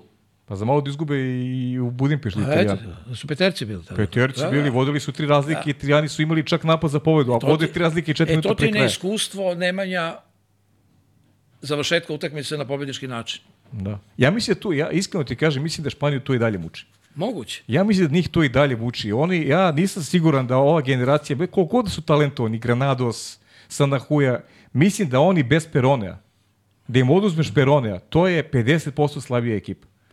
I dok Filipe bude bio tu, a mislim da će on da vuče, da, da njega motivišu olimpijske igre. Yes. Da mu je to cilj, ali ne može Filipe da igra i na sledećem olimpijskom. Mislim, Filipe Gde? i može, ali, ali Gde? znaš, Tamo? pa, pa u Los Angelesu, znaš, Ma je. mislim, daleko Pa je Los mislim, to bi bilo za vaterpolo komedija. Da, mislim, baš, da, baš bi bilo, baš bi bilo preterano. Jer ja garantujem da bi Prle mogao da igra sad. Pa, mogu bi sigurno. To, Dule da je zdrav, mogao bi da igra sad. Ali to nije dobro. Jer oni bi upropastili svoje velike karijere. Što da se oprašaš? Znaš da je Kemenj odveo 2012. Da, 2012. odveo onu strašnu reprezentaciju koja je tri puta bila prvak. Da. Prose godina 92. Mm. Oni ne mogu da plivaju. Ali ih je odveo da im oda počast i svesno. Bili su peti i svi prezadaju, oni oprostili se na olimpijskim igrama četvrtim po redu. A nije ga interesovao toliko rezultata. Posle toga su krenuli ponovo. Pa dobro, i to je okej. Mislim, znaš, Jeste, ja nemam, nemam ništa pa, pazi, protiv, mi smo, od, mi smo bili u Tokiju najstarija ekipa. Ali sad, je, sad eto jedno, jedno, ajde, možda bude i retoričko pitanje, znaš. Uh, uh, ja sam sad selektor, recimo. I, i, I vidim da mi prosto nemam igrača kao što je Andrija, kao što je Dule, kao što je Fića, recimo. Pa ja ću kao selektor da uradim da oni igraju. Šta me briga za njihove godine i ja ću da probam da, da uradim kao selektor da oni igraju, jer hoću da imam neku širinu, hoću, hoću da napunem olimpijsko zlato. A s njim mogu to, ja vidim da mogu s njima to da uradim. A zašto ja to ne bih probao da, da napravim? Znaš, e sad je na njima da vide kako bi se, kako bi oni, kakve bi odgovore dali na, na, na taj moj zahtev. Jer ja stvarno malo, znaš kako, ima ta sad neka priča, ti to bolje znaš, ovaj, kako je to išlo ciklično, da, da igrač koji ne može da igra više za, na olimpijskim igrama, to je neka dogma jugoslovenske škole, da, da ti ne započinješ olimpijski ciklus ako nećeš igrati na olimpijskim igrama. Ne, bila je varijanta, ako igraš na polju, više ne možeš da igraš ili više, ili više ne igraš reprezentaciju. Ali je baza bila ogromna. A zato ti kažem, znaš, To se to promenilo. ako ti je, ako ti je rezultat imperativ, uvek potreba ti bude rezultat imperativ, pa zašto nije probao da vratiš nekog igrača koji je možda željan da se vrati? Pazi, retoričko je pitanje, pa onda takvom pitanju ne mora da se daje odgovor. Da. Ali mogu ti, da ti kažem da ne uvozimo imena. Oni su se oprostili od reprezentacije. Jesu. Ok. Njihov povratak u reprezentaciju stvara ne, strahovit pritisak na njima, fizički nemoćnijim nego što su bili pre tri godine i dovodi ih u stanje nervoze. To je jedno, kako ja vidim. Drugo, preostalih deset igrača koji su se pripremali te tri godine bez njih, sada dovodi situaciju da su stigli spasioci i gube onu, kako bih rekao, Neku oštrinu, fokus. oštrinu, evo nek ti ovi odigraju. Razumeš? Mislim, e, ja nikad ne bih volao da, meni je prle, ajde da kažem, ljubimac. Ja nikad ne bih volao da se prvo oprosti na takmičenju bez medalje. Oproštaj koji su oni imali u Tokiju je najlepši mogući. A ako ti kao čovjek, kao, čovjek, kao selektor, jer ti si u pitanju, nisi stvorio tri igrača koji mogu da im priđu, onda tek ništa nećeš uraditi posle toga, jer si ovu trojicu koji su bili kandidati izgubio, ova trojica ti neće doneti nešto epohalno, sem što će se javnost podići, uh -huh. a za sledeći olimpijski ciklus treba da tražiš novu trojicu koju tek nemaš. Zato da bi ja uvek rizikovao, ako je meni perspektiva Lupiću, Gladović, lupam zato što znam da neće igrati, uh -huh. on beže, ja bi ga gurao. I trpeo jer će jedan put da eksplodira. Medalja jeste bitna i slažem se, ali ne znači da je svaka, da je Srbija pretplaćena na medalje. Ti ako sad ako ćemo da gledamo, mi od uh, Barcelone 2018. uzeli smo Gvanđu, ne, uzeli smo Svetsku ligu u Beogradu, mm, da. po onom pljusku, i uzeli smo Tokio. Jeste. 19. smo izgubili Mađu, 20. smo izgubili Evropsko prvenstvo, 21. smo izgubili onaj svetsku ligu, 22. sva tri smo izgubili, 23. smo izgubili sve. Mi nismo više zemlja koja osvaja medalje. Nismo, da. Da, i to sad, sviđalo se to nekom ili ne? Od, od Tokija nismo osvojili nijednu medalju. Od Tokija ni jednu, ali ni od Barcelone. Ni jednu, sem te svetske lige u Beogradu. Da. Pritom je Dejan odlično uradio 2019. za taj Guangzhou. Ali je isto tako pitanje, da li je možda od one šestorice, sedmorice, da su možda trojica trebali da igraju, pa da budu mentori ovoj ostaloj ekipi. Jer tako je sa Zvezdom u svojoj ligu šampiona. Prle je povukao Strahinju Rašovića, Avra je povukao Viktora Rašovića, ne znam ko je Dule je povukao komu je bio drugi centar i to se pojavilo kao jedna ekipa rađen bekove, pojavila se kao ekipa koja je delovala he, uh, po hemiji, po atmosferi vrhunski. Ovako ti staviš 13 mladih igrača, malo se tu pogubi. Mada tu Guangzhou nije bilo tako loše, oni su bili peti s jednim porazom. Pa s jednim porazom u Španiji, S jednim da. porazom u Španiji koji je bilo kudi kamo jače, koji treba to da Pa nije bilo loše, to, to je nešto što je u suštini treba da bude ova sada ekipa.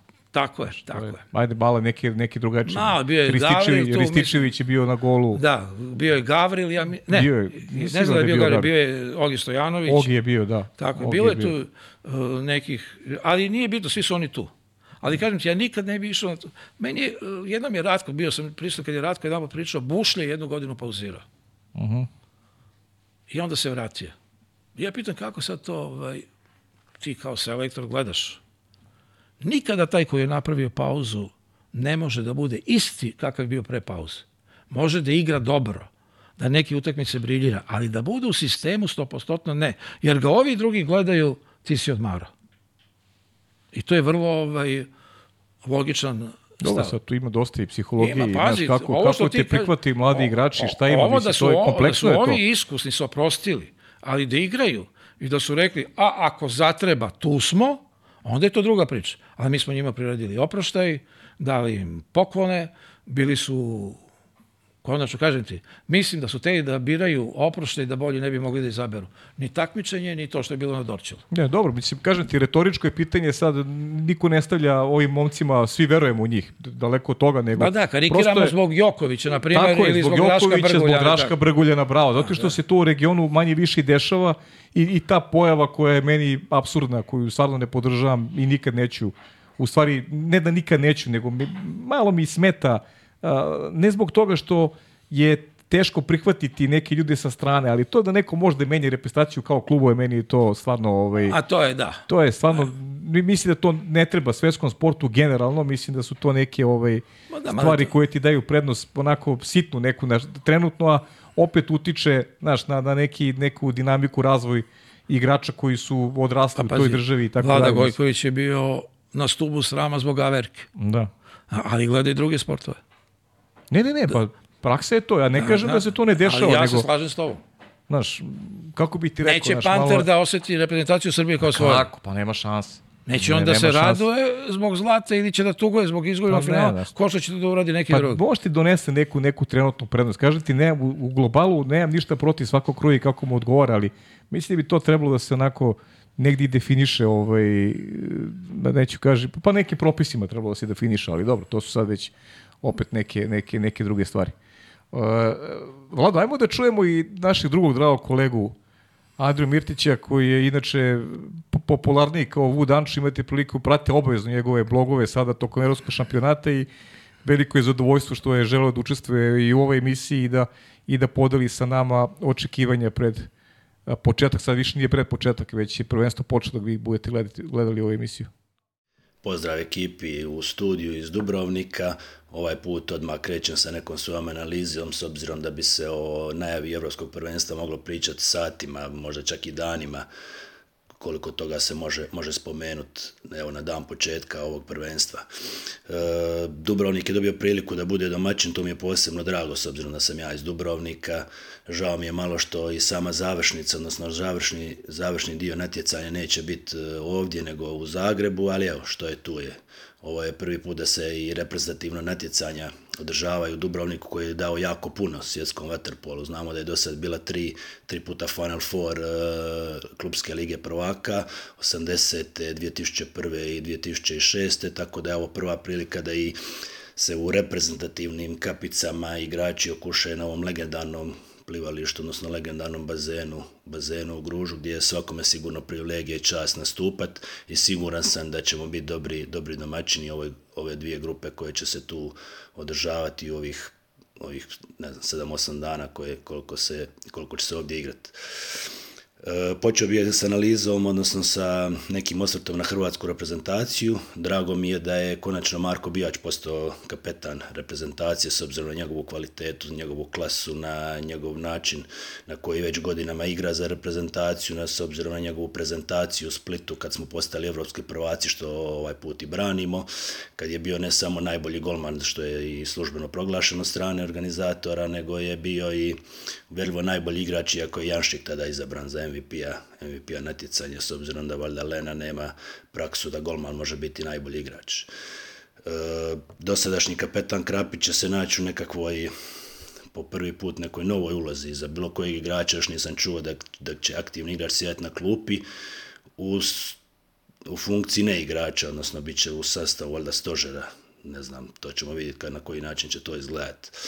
E, još jedan izostanak, ovaj put za Hrvatsku će biti, što je značajan Andrija Bašić, koji je na Europskom prvenstvu u Splitu bio jedan od naših najvažnijih igrača. Igrač koji ima najveću minutažu, 140 minuta, igrao na turniru, jasno poslije golmana Bijača, bio je najbolji asistent, bio je drugi po ukradenim loptama, drugi po blokiranim udarcima i također zabio je 7 golova što je bila nekakva sredina, odnosno bilo je par, par stilaca koji su bili e, učinkoviti od njega, ali ti njegovi golovi dolazili su u ključnim trenucima, ne znam, sjećamo se par utakmica gdje bi gdje je prelomio utakmicu sa svojim šutovima, pogotovo što je to dolazilo većinom sa desne, sa desne strane. Tako da ćemo na ovom necanju morati nadoknaditi taj njegov učinak. On je otpao ovako u zadnji čas, nije, nije uzbio izboriti mjesto među 15 odabranih koje će izbornik Tucak dovesti na ovo, na ovo natjecanje. Ovo je prvi put da se Evropsko prvenstvo igra po ovom novom sistemu, gdje će u prve dvije grupe, odnosno grupi A i grupi B biti najboljih osam sa prošlog natjecanja, Međutim, s obzirom na plasman Srbije zadnji put koja je ostala van tih osam, ona ide u skupinu C, tako da taj raspored snaga baš i nije, nije ravnopravan. Pogotovo što, što se u, u ovoj drugoj grupi gdje nije Hrvatska, Mađarska je došla sa, sa rezervnom momčadi, odnosno izostavili su i Vogela, Manherca, Janšika, Deneša Vargu, Zalankija, svi su oni, svi su oni ostali doma se pripremati za svjetsko prvenstvo koje počinje samo, ne znam, malo više od dva tjedna nakon, nakon završetka ovog europskog prvenstva, što dovoljno govori o neusklađenosti kalendara, odnosno odnosa tih samih organizacija evropskih i svjetskih prema ovome sportu. I ta, ta mađarska poruka je možda i najbolja koja se može, može uputiti tim ljudima koji, koji donose odluke i koji vode ove sportove odnosno ta naticanja ovaj sport. E, tako da će doći do tega da su ekipe iz ove grupe gdje su Hrvatska, Španjolska, Crna Gora i Francuska u maloj prednosti, odnosno e, prva dva mjesta u, u toj grupi donose puno bolje, puno bolje, odnosno puno lakše protivnike u četvrtfinalu. Tako da se bar jedna utakmica može dobiti jedna, jedna lakša utakmica, odnosno lakši ulazak među najbolje četiri, s će pobjednici iz one druge grupe gdje očekivamo Grke i Italijane za nagradu dobiti, ne znam, Srbiju i možda Crnu Goru ili, ne znam, Hrvatsku ili Španjolsku, ali pretpostavimo Crnu Goru kao protivnike u četvrtfinalu, tako da tako da i taj, taj dio je dosta povoljan za, za Hrvatsku što se tiče samog, samog ždrijeba. Što se tiče naše reprezentacije, već sam spomenuo, znači Bijač je kapetan, ako ponovi nastup iz Splita, što će biti jako teško, to nas ponovo donos, dovodi jako visoko, s obzirom da je to jedan od možda najboljih golmanskih nastupa koje sam ikad svjedočio, ne znam, sigurno u zadnjih 20-30 godina. Imamo Žuvelu, još više Burića, koji je već istasao, puno, odnosno bolja verzija, reklo bi se, žuvele igrači koji, koji danas su na najviše na cijeni igrači koji mogu imati apsolutno svaku poziciju, lijevu stranu, desnu stranu, beka, sidruna, sve, apsolutno sve pozicije pokrivaju, imaju jako puno svojih zadataka oduzetih lopti u obrani. Spomenuo sam da je, da je Bašić bio drugi najbolji kradljivac lopti i Žuvela je bio najbolji sa 11 oduzetih lopti u Splitu na svom prvom natjecanju, tako da je na svom prvom evropskom prvenstvu, tako da je, da je to pravo bogatstvo koje hrvatska reprezentacija ima, a nakon lošeg nastupa Fukuoki koje bi mi najradije zaboravili, gdje nije bilo Fatovića, još jednom smo dobili dokaz koliko on važan za igru hrvatske reprezentacije, tako da ta ta četiri igrača će sigurno biti ovdje nositelj igre hrvatske reprezentacije uz povratak Lončara gdje dobamo dodatnu snagu, dodatno iskustvo na poziciji Sidruna, tako da smo sigurno trenutno možda i jači nego što smo bili prije te godine i po dana u Splitu kad smo, kad smo osvojili naslov. Što se tiče Srbije, odnosno Crne Gore, također očekujem da budu u boljim izdanjima nego što su to bili prošle, prošle sezone. Iako je Srbija ušla u polufinale svjetskog prvenstva, sada ipak tu sa potpuno spremnim Mandićem, sa nadam se potpuno oporavljenim Jakšićem, sa već ipak malo posloženijom igrom sa novim izbornikom Stevanovićem, tako da će sigurno biti, biti opasan protivnik. Crna Gora je vratila Draška Brguljana, tako da... E, čuli smo Andriju Martića, hvala puno, hvala puno našem dragom kolegi. E, mislim da, da posle Andrinog, ajde da kažemo, nekih njegovih očekivanja i, i svega što što, što ćemo gledati u Zagrebu i Dubrovniku, mislite bi deki mogli da se malo osvrnemo na, na, na dame? Dobro, ali samo da kažem za Andriju Ajde. ovo, on će sad imati Ajde. izuzetno zadovoljstvo da kao novinar postavlja pitanja Ivici Tucaku u mix zoni, a njihovi odnosi su uvijek bili takvi da je bilo zanimljivo to slušati i gledati. Pa Andriji želim puno sreće, eto to. Pa dobro, Ivici puno sreće ovim pa, za pitanjima, da. Da, ali Andrij je ipak kolega, znaš. da, da, da. Dobro, nek se izbori. Hoćemo malo, hoćemo malo prođemo, ajde, na, na ovako pred kraj, ne zato što ih manje vrednujemo, nego prosto uh, neko devojke, devojke nemaju ni tretman adekvatan, mi želimo da taj tretman bude bolji, uh, uverenja sam da bi, da bi uspeh reprezentacije bio mnogo veći kada bi se o njima vodilo malo više, malo više računa, ali situacija je kakva jeste, drugi napreduju, drugi ulažu i sam si u jednom momentu rekao da gubimo korak za tim ekipama koje se bore za te pozicije od petog do osmog mesta, redko smo baš uspevali da se udenemo među os najboljih ekipa Evrope. Znaš šta, imali smo jednu situaciju u Waterpolo klubu ženskom Crvena zvezda, da je trajala ljubavna veza između Grkinje, Mamoglu i Vlahopolos. Uh Mhm. -huh. I onda je ova Grkinja verna svom dragom došla u Beograd i zaigrala za Crvenu zvezdu.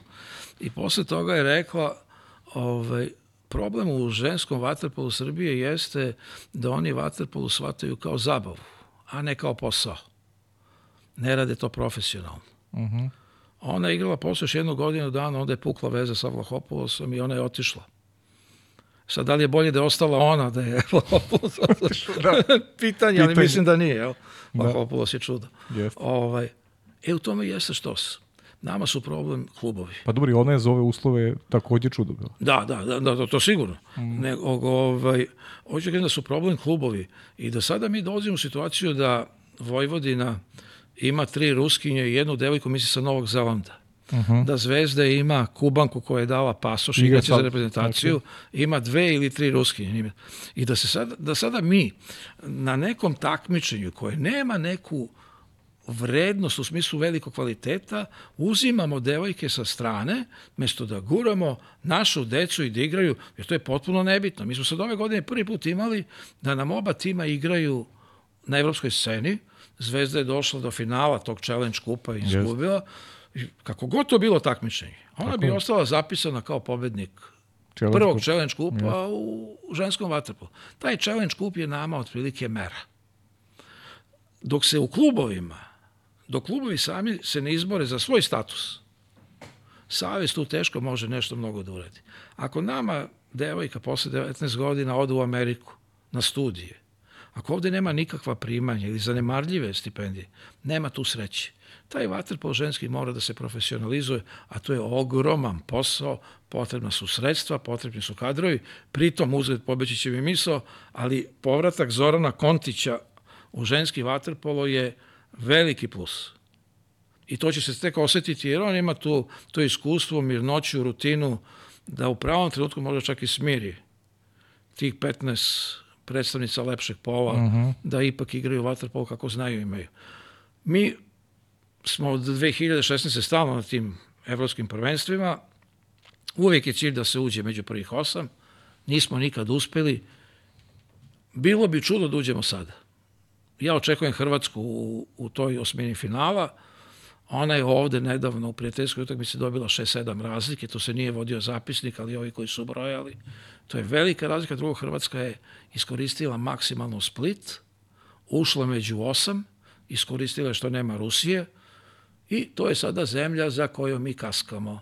Hoćemo li mi napraviti to čudo i zanaditi? Veliko je pitanje. Dragana se opet opredelila za jedan potpuno mlad sastav, da je najstarija ta mesa, mislim, koja je 97. godište, mm -hmm ali ima šest igračica od 15 koji nemaju 20 godina.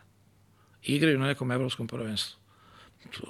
Veliki je pritisak na njima, ali i veliko iskustvo i misli da tek ako uspemo da sačuvamo tih 15 igračica i ove koji su otpale i iduće godine, pošto čuli da će biti opet evropsko prvenstvo, ali sada u Izraelu, da one onda mogu možda da naprave taj korak da uđu među tih osam i to bi bio maksimum.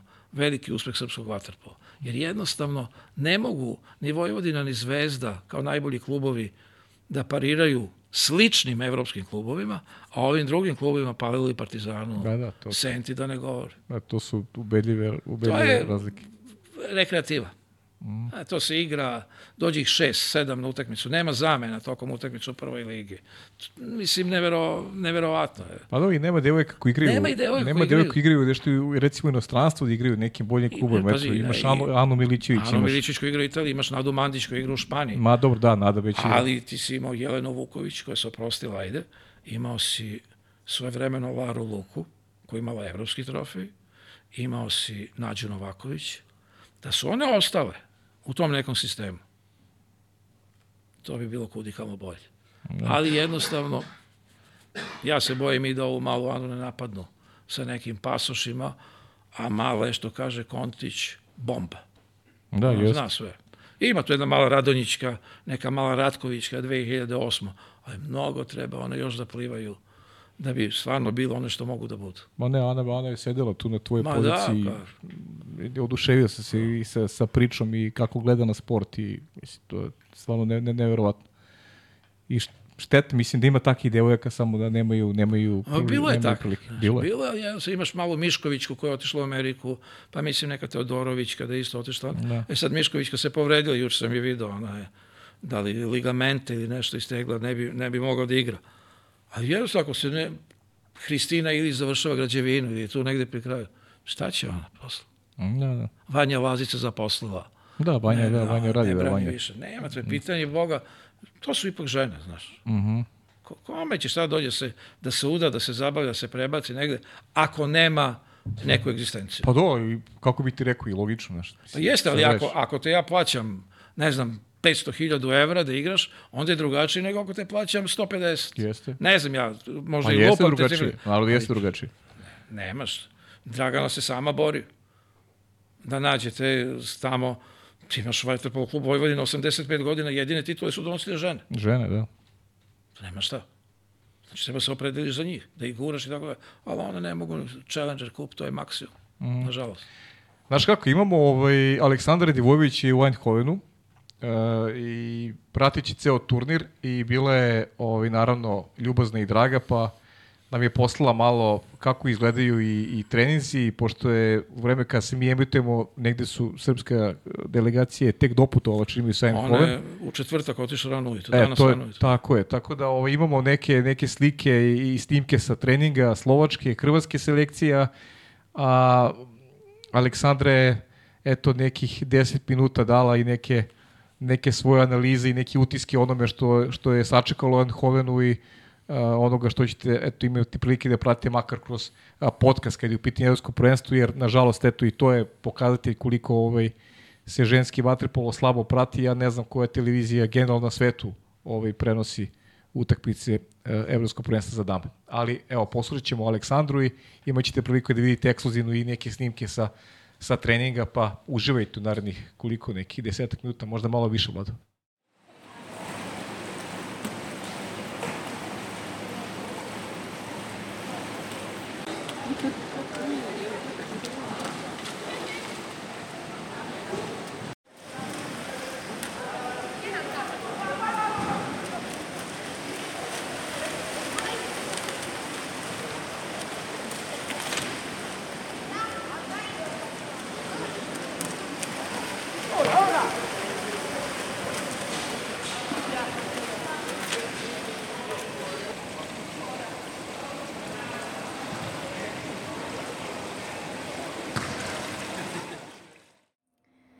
Zdravo svima u studiju, mojim dragim kolegama koji za vas najavljuju Evropsko prvenstvo u Vatrpolu za žene i muškarce i naravno zdravo svima koji nas prate ovih dana i koji sa nestrpljenjem iščekuju sve ono što ćemo im pripremati tokom Evropskog prvenstva, a i sada uoči samog početka. Danas je ovde u Eindhovenu gde se ja nalazim nulti dan turnira.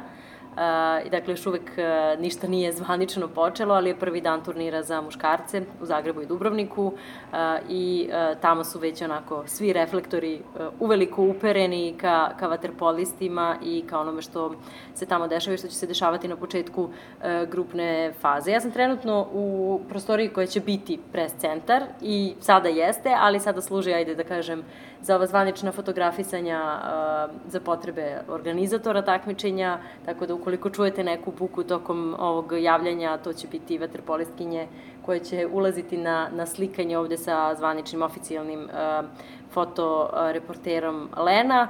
Uh, ovde će, dakle, novinari iz uh, zemalja učesnice izveštavati onome što se dešava uh, na uh, Evropskom prvenstvu za vaterpolistkinje. Ono što je meni bilo interesantno kada sam pitala organizatore koliko se novinara očekuje na ženskom turniru, očekuje ih, uh, očekuju da bude 30 novinara, što je onako za mene lično bila cifra koja je možda malo premašila moja a, očekivanja. A, naravno, nas će najviše zanimati reprezentacija Srbije, koja je, podsjećam vas, učestvovala i na Evropskom prvenstvu u Splitu, o kojoj smo i tada izveštavali i tu su, evo, baš malo čas pre nego što ću se javiti a, vama, tu je i reprezentacija Hrvatske koja je počela svoj trening sada. Ono što je takođe Još jedna interesantna stvar a, jeste da se, eto, prvenstvo država u Holandiji, to nije prvi put, a, igralo se i 2012. godine, tako da oni, ajde da kažemo, obeležavaju mali jubilej od tada, već je 10 godina a, prošlo od evropskog prvenstva u Eindhovenu a, i ono što je meni bio prvi utisak jeste dolazak na, na ceo ovaj sportski centar i kompleks Peter van den uh, Hogeband koji je neverovatno opremljen i koji izgleda zaista uh, uh, preko svih naših očekivanja i nad, nadmašuje sve ono što smo možda do sada uh, videli ili viđamo širom Evrope, osim u nekoliko zemalja koje su zaista uh, ajde da kažem, vaterpolo centri i, i koje su zaista vaterpolo nacije. Ja da čekam da vidim kako će to izgledati konkretno tokom utakmica reprezentacije Holandije ovde na ženskom turniru, kada se očekuje da bude puno, već su organizatori najavili da su karte rasprodate za grupnu fazu, da može tu i tamo da se nađe još po koja karta za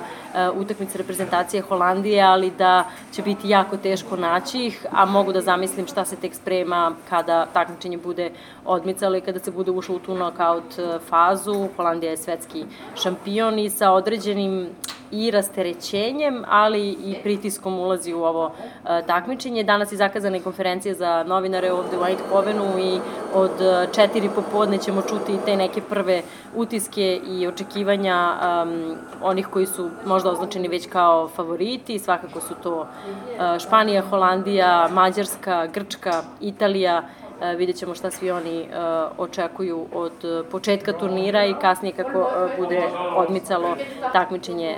Ono što će svakako obeležiti današnji dan i za vas i pretpostavljam za vaterpolo publiku jeste jesu prve utakmice na muškom turniru. Od 5 sati, ajde da se podsjetimo mali raspored od 17 sati, dakle igri Crna Gora i Francuska, Hrvatska će u bazen od 20 sati i 15 minuta protiv Španije, sigurno dve utakmice koje će najviše zanimati E, naš region i koje već negde mogu da najave kako će izgledati to odmeravanje snaga e, nekih od najjačih ekipa u nastavku e, takmičenja i da vidimo ko kako izgleda u ovom delu sezone i ko se kako pripremio i da li se pripremio.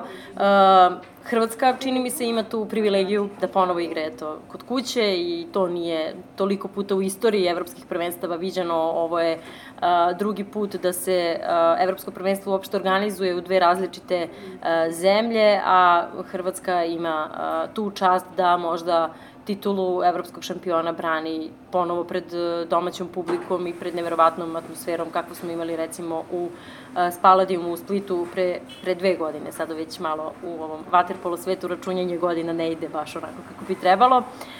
I ne smemo da zaboravimo još jednu selekciju iz regiona kada je reč o muškom turniru, to je Slovenija, Ona će u bazen sutra od 17 sati 45 minuta igra protiv Slovačke, možda je i dalje nazivamo Novajlijom u tom nekom svetu, makar ovog regionalnog vaterpola, ali svakako treba pratiti tu reprezentaciju. Naravno sve prenose muškog e, turnira ćemo gledati na e, kanalima sport kluba, to je sad negde već i, i vaša i naša navika i postaje i tradicija za, za sve nas. Um, kada je reč, da kažem, ajde opet da se vratim na, na ovaj turnir na kom se ja nalazim, kada je reč o, o ženskom turniru, selekcija Srbije igra sutra protiv Turske od 10 sata i 30 minuta, danas oko 4 popodne, dakle u vreme negde te konferencije za medije će Srbija trenirati prvi put ovde na ovom kompleksu na kom se i, i igra, a Hrvatska igra od 19 sati i nema nimalo lag zadatak protiv Holandije, domaćina turnira, koja će izuzetno motivisano ući u ceo ovaj turnir i izuzetno imati onako posebne uslove pod kojima će ih igrati u odnosu na neke druge reprezentacije, a ja eto čekam da vidim i kakve će kakve će ovaj kakvu će podršku imati i ostale selekcije koje su možda jedna od kandidata za osvajanje medalje. Ovde upravo pored mene je tim Francuske koji čeka svoje svoj red za slikanje, tako da ukoliko je mala gužva, to je verovatno zbog njih. I nešto o čemu se i dalje mnogo priča, što među novinarima, što među organizatorima i svima koji su uključeni u ovakve dešavanja, jeste taj novi format turnira, Uh, odnosno četiri grupe po četiri ekipe. Prve dve grupe A i B pripadaju diviziji A, druge dve grupe C i D pripadaju, pripadaju diviziji 2 uh, pripada, da, pripadaju diviziji 2. Uh, dakle, te dve divizije će se ukrštati na jedan nama možda potpuno lud način ili nov način, kako god to želite. Dakle, one ekipe koje budu prve u diviziji 1, u te dve grupe koje pripadaju, pripadaju diviziji 1 i koje budu drugoplasirane u toj diviziji, će ići direktno u četvrt finale. Dakle, pobednici i drugoplasirani u diviziji 1 idu direktno u četvrt finale, treći i četvrti će igrati protiv dve ekipe iz divizije 2. Dakle, po dve ekipe iz divizije 2 iz obe grupe igraće tu dodatnu utakmicu ili takozvani play-off za četvrt finale ili osminu finala, ako možemo tako da, da je nazovemo, kako bi našle svoje mesto u, u četvrt finalu. E, to je prvi put u istoriji, dakle gledat ćemo jedan presedan e, kada je reč o formatu takmičenja i hajde da vidimo kako će izgledati pa da onda komentarišemo, mada verujem da ste vi već u studiju obradili tu temu ili da ćete podrobno obraditi i pre početka turnira, jer zaista, zaista trenutno izgleda čak malo i nezamislivo ko sa kim igra u grupnoj fazi a kad se uđe u bazen vidjet ćemo kako će te, te ekipe izgledati sada i kako će izgledati na kraju turnira ukoliko stignu do završnice. Rekla sam već još e, jedna od tih kao fun, fun faktova ili zanimljivih činjenica jeste da se drugi put igra u dve zemlje. E, prvo evropsko prvenstvo za žene igralo se u Oslu 1985. a te godine su vaterpolisti igrali u Sofiji. Tako da evo, ovo je od kad se igra Evropsko prvenstvo za žene, drugi put da žene igraju u drugoj uh, zemlji u isto vreme i uh, ako mene pitate, Len nije mogao da odabere boljeg, boljeg domaćina kada se desilo sve ono što se desilo uh, u Izraelu i kada su negde bili prinuđeni da na taj način rasporede domaćinstva. Mislim da Holandija uh, i već jeste, ali od, od sada, od ove godine, uh, postaje ozbiljan kandidat da se negde svi važni događaji ženskog vaterpola smeste ovde, u ostalom i nema puno kandidata koji bi mogli na ovaj način i ovoliko ozbiljno da pristupe uh, svemu tome uh, i mislim da će između ostalog uh, o popularnosti ženskog vaterpola ovde u Holandiji, a o kojoj mi pričamo već sezonama i godinama, najbolje uh, govoriti uh, njihova prva utakmica protiv Hrvatske sutra, odnosno kada vidimo tribine kako izgledaju i da li se stvarno traži karta više i kako se do nje dolazi, a to ćemo probati sve ovde da, da istražimo i da saznamo za vas. Osim ovog mog javljanja, probat ću da vam pošaljem i što više ove atmosfere sa strane, malo ovo iza kamera i ovaj nulti dan takmičenja kako protiče kada se uglavnom na svim turnirima i kada u svim sportovima dešavaju medijske aktivnosti u kojima, moram da priznam, devojke više uživaju nego muškarci, to je moje iskustvo pokazalo i zaista se dobro zabavljaju ovde ljudi koji dođu da se slikaju, odnosno devojke, ovaj, iako treneri jedva čekaju da završe posao. Toliko za sada, ako sam nešto bitno izostavila, imat ćemo priliku u narednih dana da se družimo i u narednim epizodama koje će se dešavati tokom ovog evropskog uh, prvenstva. Uh, nadam se da ćete sa punom pažnjom pratiti sve ono što se dešava i u Eindhovenu, i u Zagrebu, i u Dubrovniku i da ćemo uživati u još jednom evropskom prvenstvu, da ćemo mnogo više pričati o lepim stvarima, o sportskim rezultatima nego ovim stvarima uh, van terena, tako da još jedan veliki pozdrav uh, za celu ekipu pod kapicom, za sve vas u studiju i za sve one koji nas gledaju. Hvala Aleksandri, Ovi, nadam se da ćemo imati materijal i kad je u pitanju srpske prestacije, naravno kroz studije sport kluba svakako, a narodnog četvrtka potrudit ću se da, da ovde na Dekijevoj stolici, Deki nije tu, Deki u Zagrebu, da bude neko ko će komentarisati, ajde kažemo, taj prvi deo šampionata. Deki, neće mogu ti zadržati danas se spremaš za Zagreb, čisto ispoštujemo publiku. Zoran Kontić kaže, nema pitanja, zahvalnost velika za sve što čini za promociju našeg sporta, pozdravljate Zoki. To smo se dogovorili. To ste se dogovorili, dobro, to rešite posle. Uh, kaže, kako komentariše Sloveniju sa novim selektorom Mirkom Vičevićem? Pa to je interesantno, ali mislim da je rano. Mirko Vičević je ona stara škola sa puno plivanja, puno kontakta. Slovenci su vredni, radni, ali da li tamo ima materijala, to će Mirko najbolje znati. Uh mhm. -huh. e, I uglavnom su neki pitanja vezano za, za kaže pozdrav za legendarnu legendu koji mogu da iznenadi na EP, koji bi mogu da razočara, pitate Čola 97. A, ovaj, pa eto, mogli bi mi da budemo prijatno iznenađenje, to bih jako voleo A mogli bi italijani da razočaraju. E, Italijani da razočaraju.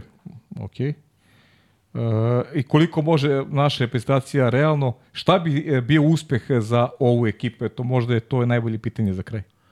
Pa za, za mene bi uspeh bio da ekipa uđe, veliki uspeh bi bio da uđe među četiri. Uh -huh.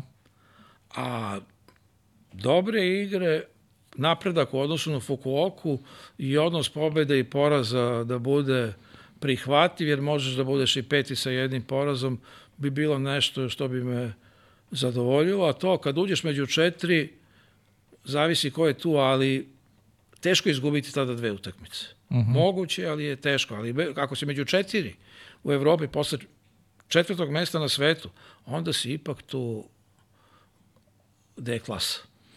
Ništa, ajde, neka, neka se ispune ovaj, tvoja predviđenja, neka, neka bude makar polufinale, pa vidjet ćemo za dalje, neka se potrede momci sami, svako i držimo fige, verujemo u njih i, i ono što si rekao, jedno od najizjednačenijih šampionata koje nas očekuje svakako, koje je u stvari već počelo, uh, do duše eto podeljeno prvi put na tu prvu grupu, drugu grupu, što ajde nismo to ni komentarisali, ovaj, prosto treba prihvatiti stvari kakve jesu, a ne vraćati se sada unazad zbog čega, zbog čega uopšte takva odluka postoji, ali sigurno da je jedan zanimljiv turnir u najavi, rekao sam pratite ga na kanalima Sport kluba, sve utakmice će biti u direktnom prenosu, a imaćemo i studijske emisije, interesantne goste, a u krajnjem slučaju imamo Dekija koji je na licu mesta, Deki koji je već jedno duže vreme i, i deo tima Sport kluba, tako da čitajte, verujem, zanimljive analize koje će objavljivati na sajtu Sport kluba, a kada se Deki vrati iz Zagreba, bit ćemo ponovo na ovom istom mestu, pa ćemo malo da komentarišemo šta je sve video tamo i koliko su naša neka predviđenja koje smo izrekli danas, koliko su se obistinile. Da, koliko znamo ili ne znamo. Deki, hvala ti puno. Hvala i tebi. To je bio Dejan Stevović, verujem da ste uživali u ovoj analizi onoga što nas očekuje na Evropskom šampionatu. Rekao sam šta treba da radite do 16. A naredne nedelje 150. emisija vidjet ćemo ko će sedeti na Dejanovom mestu. Hvala na pažnju.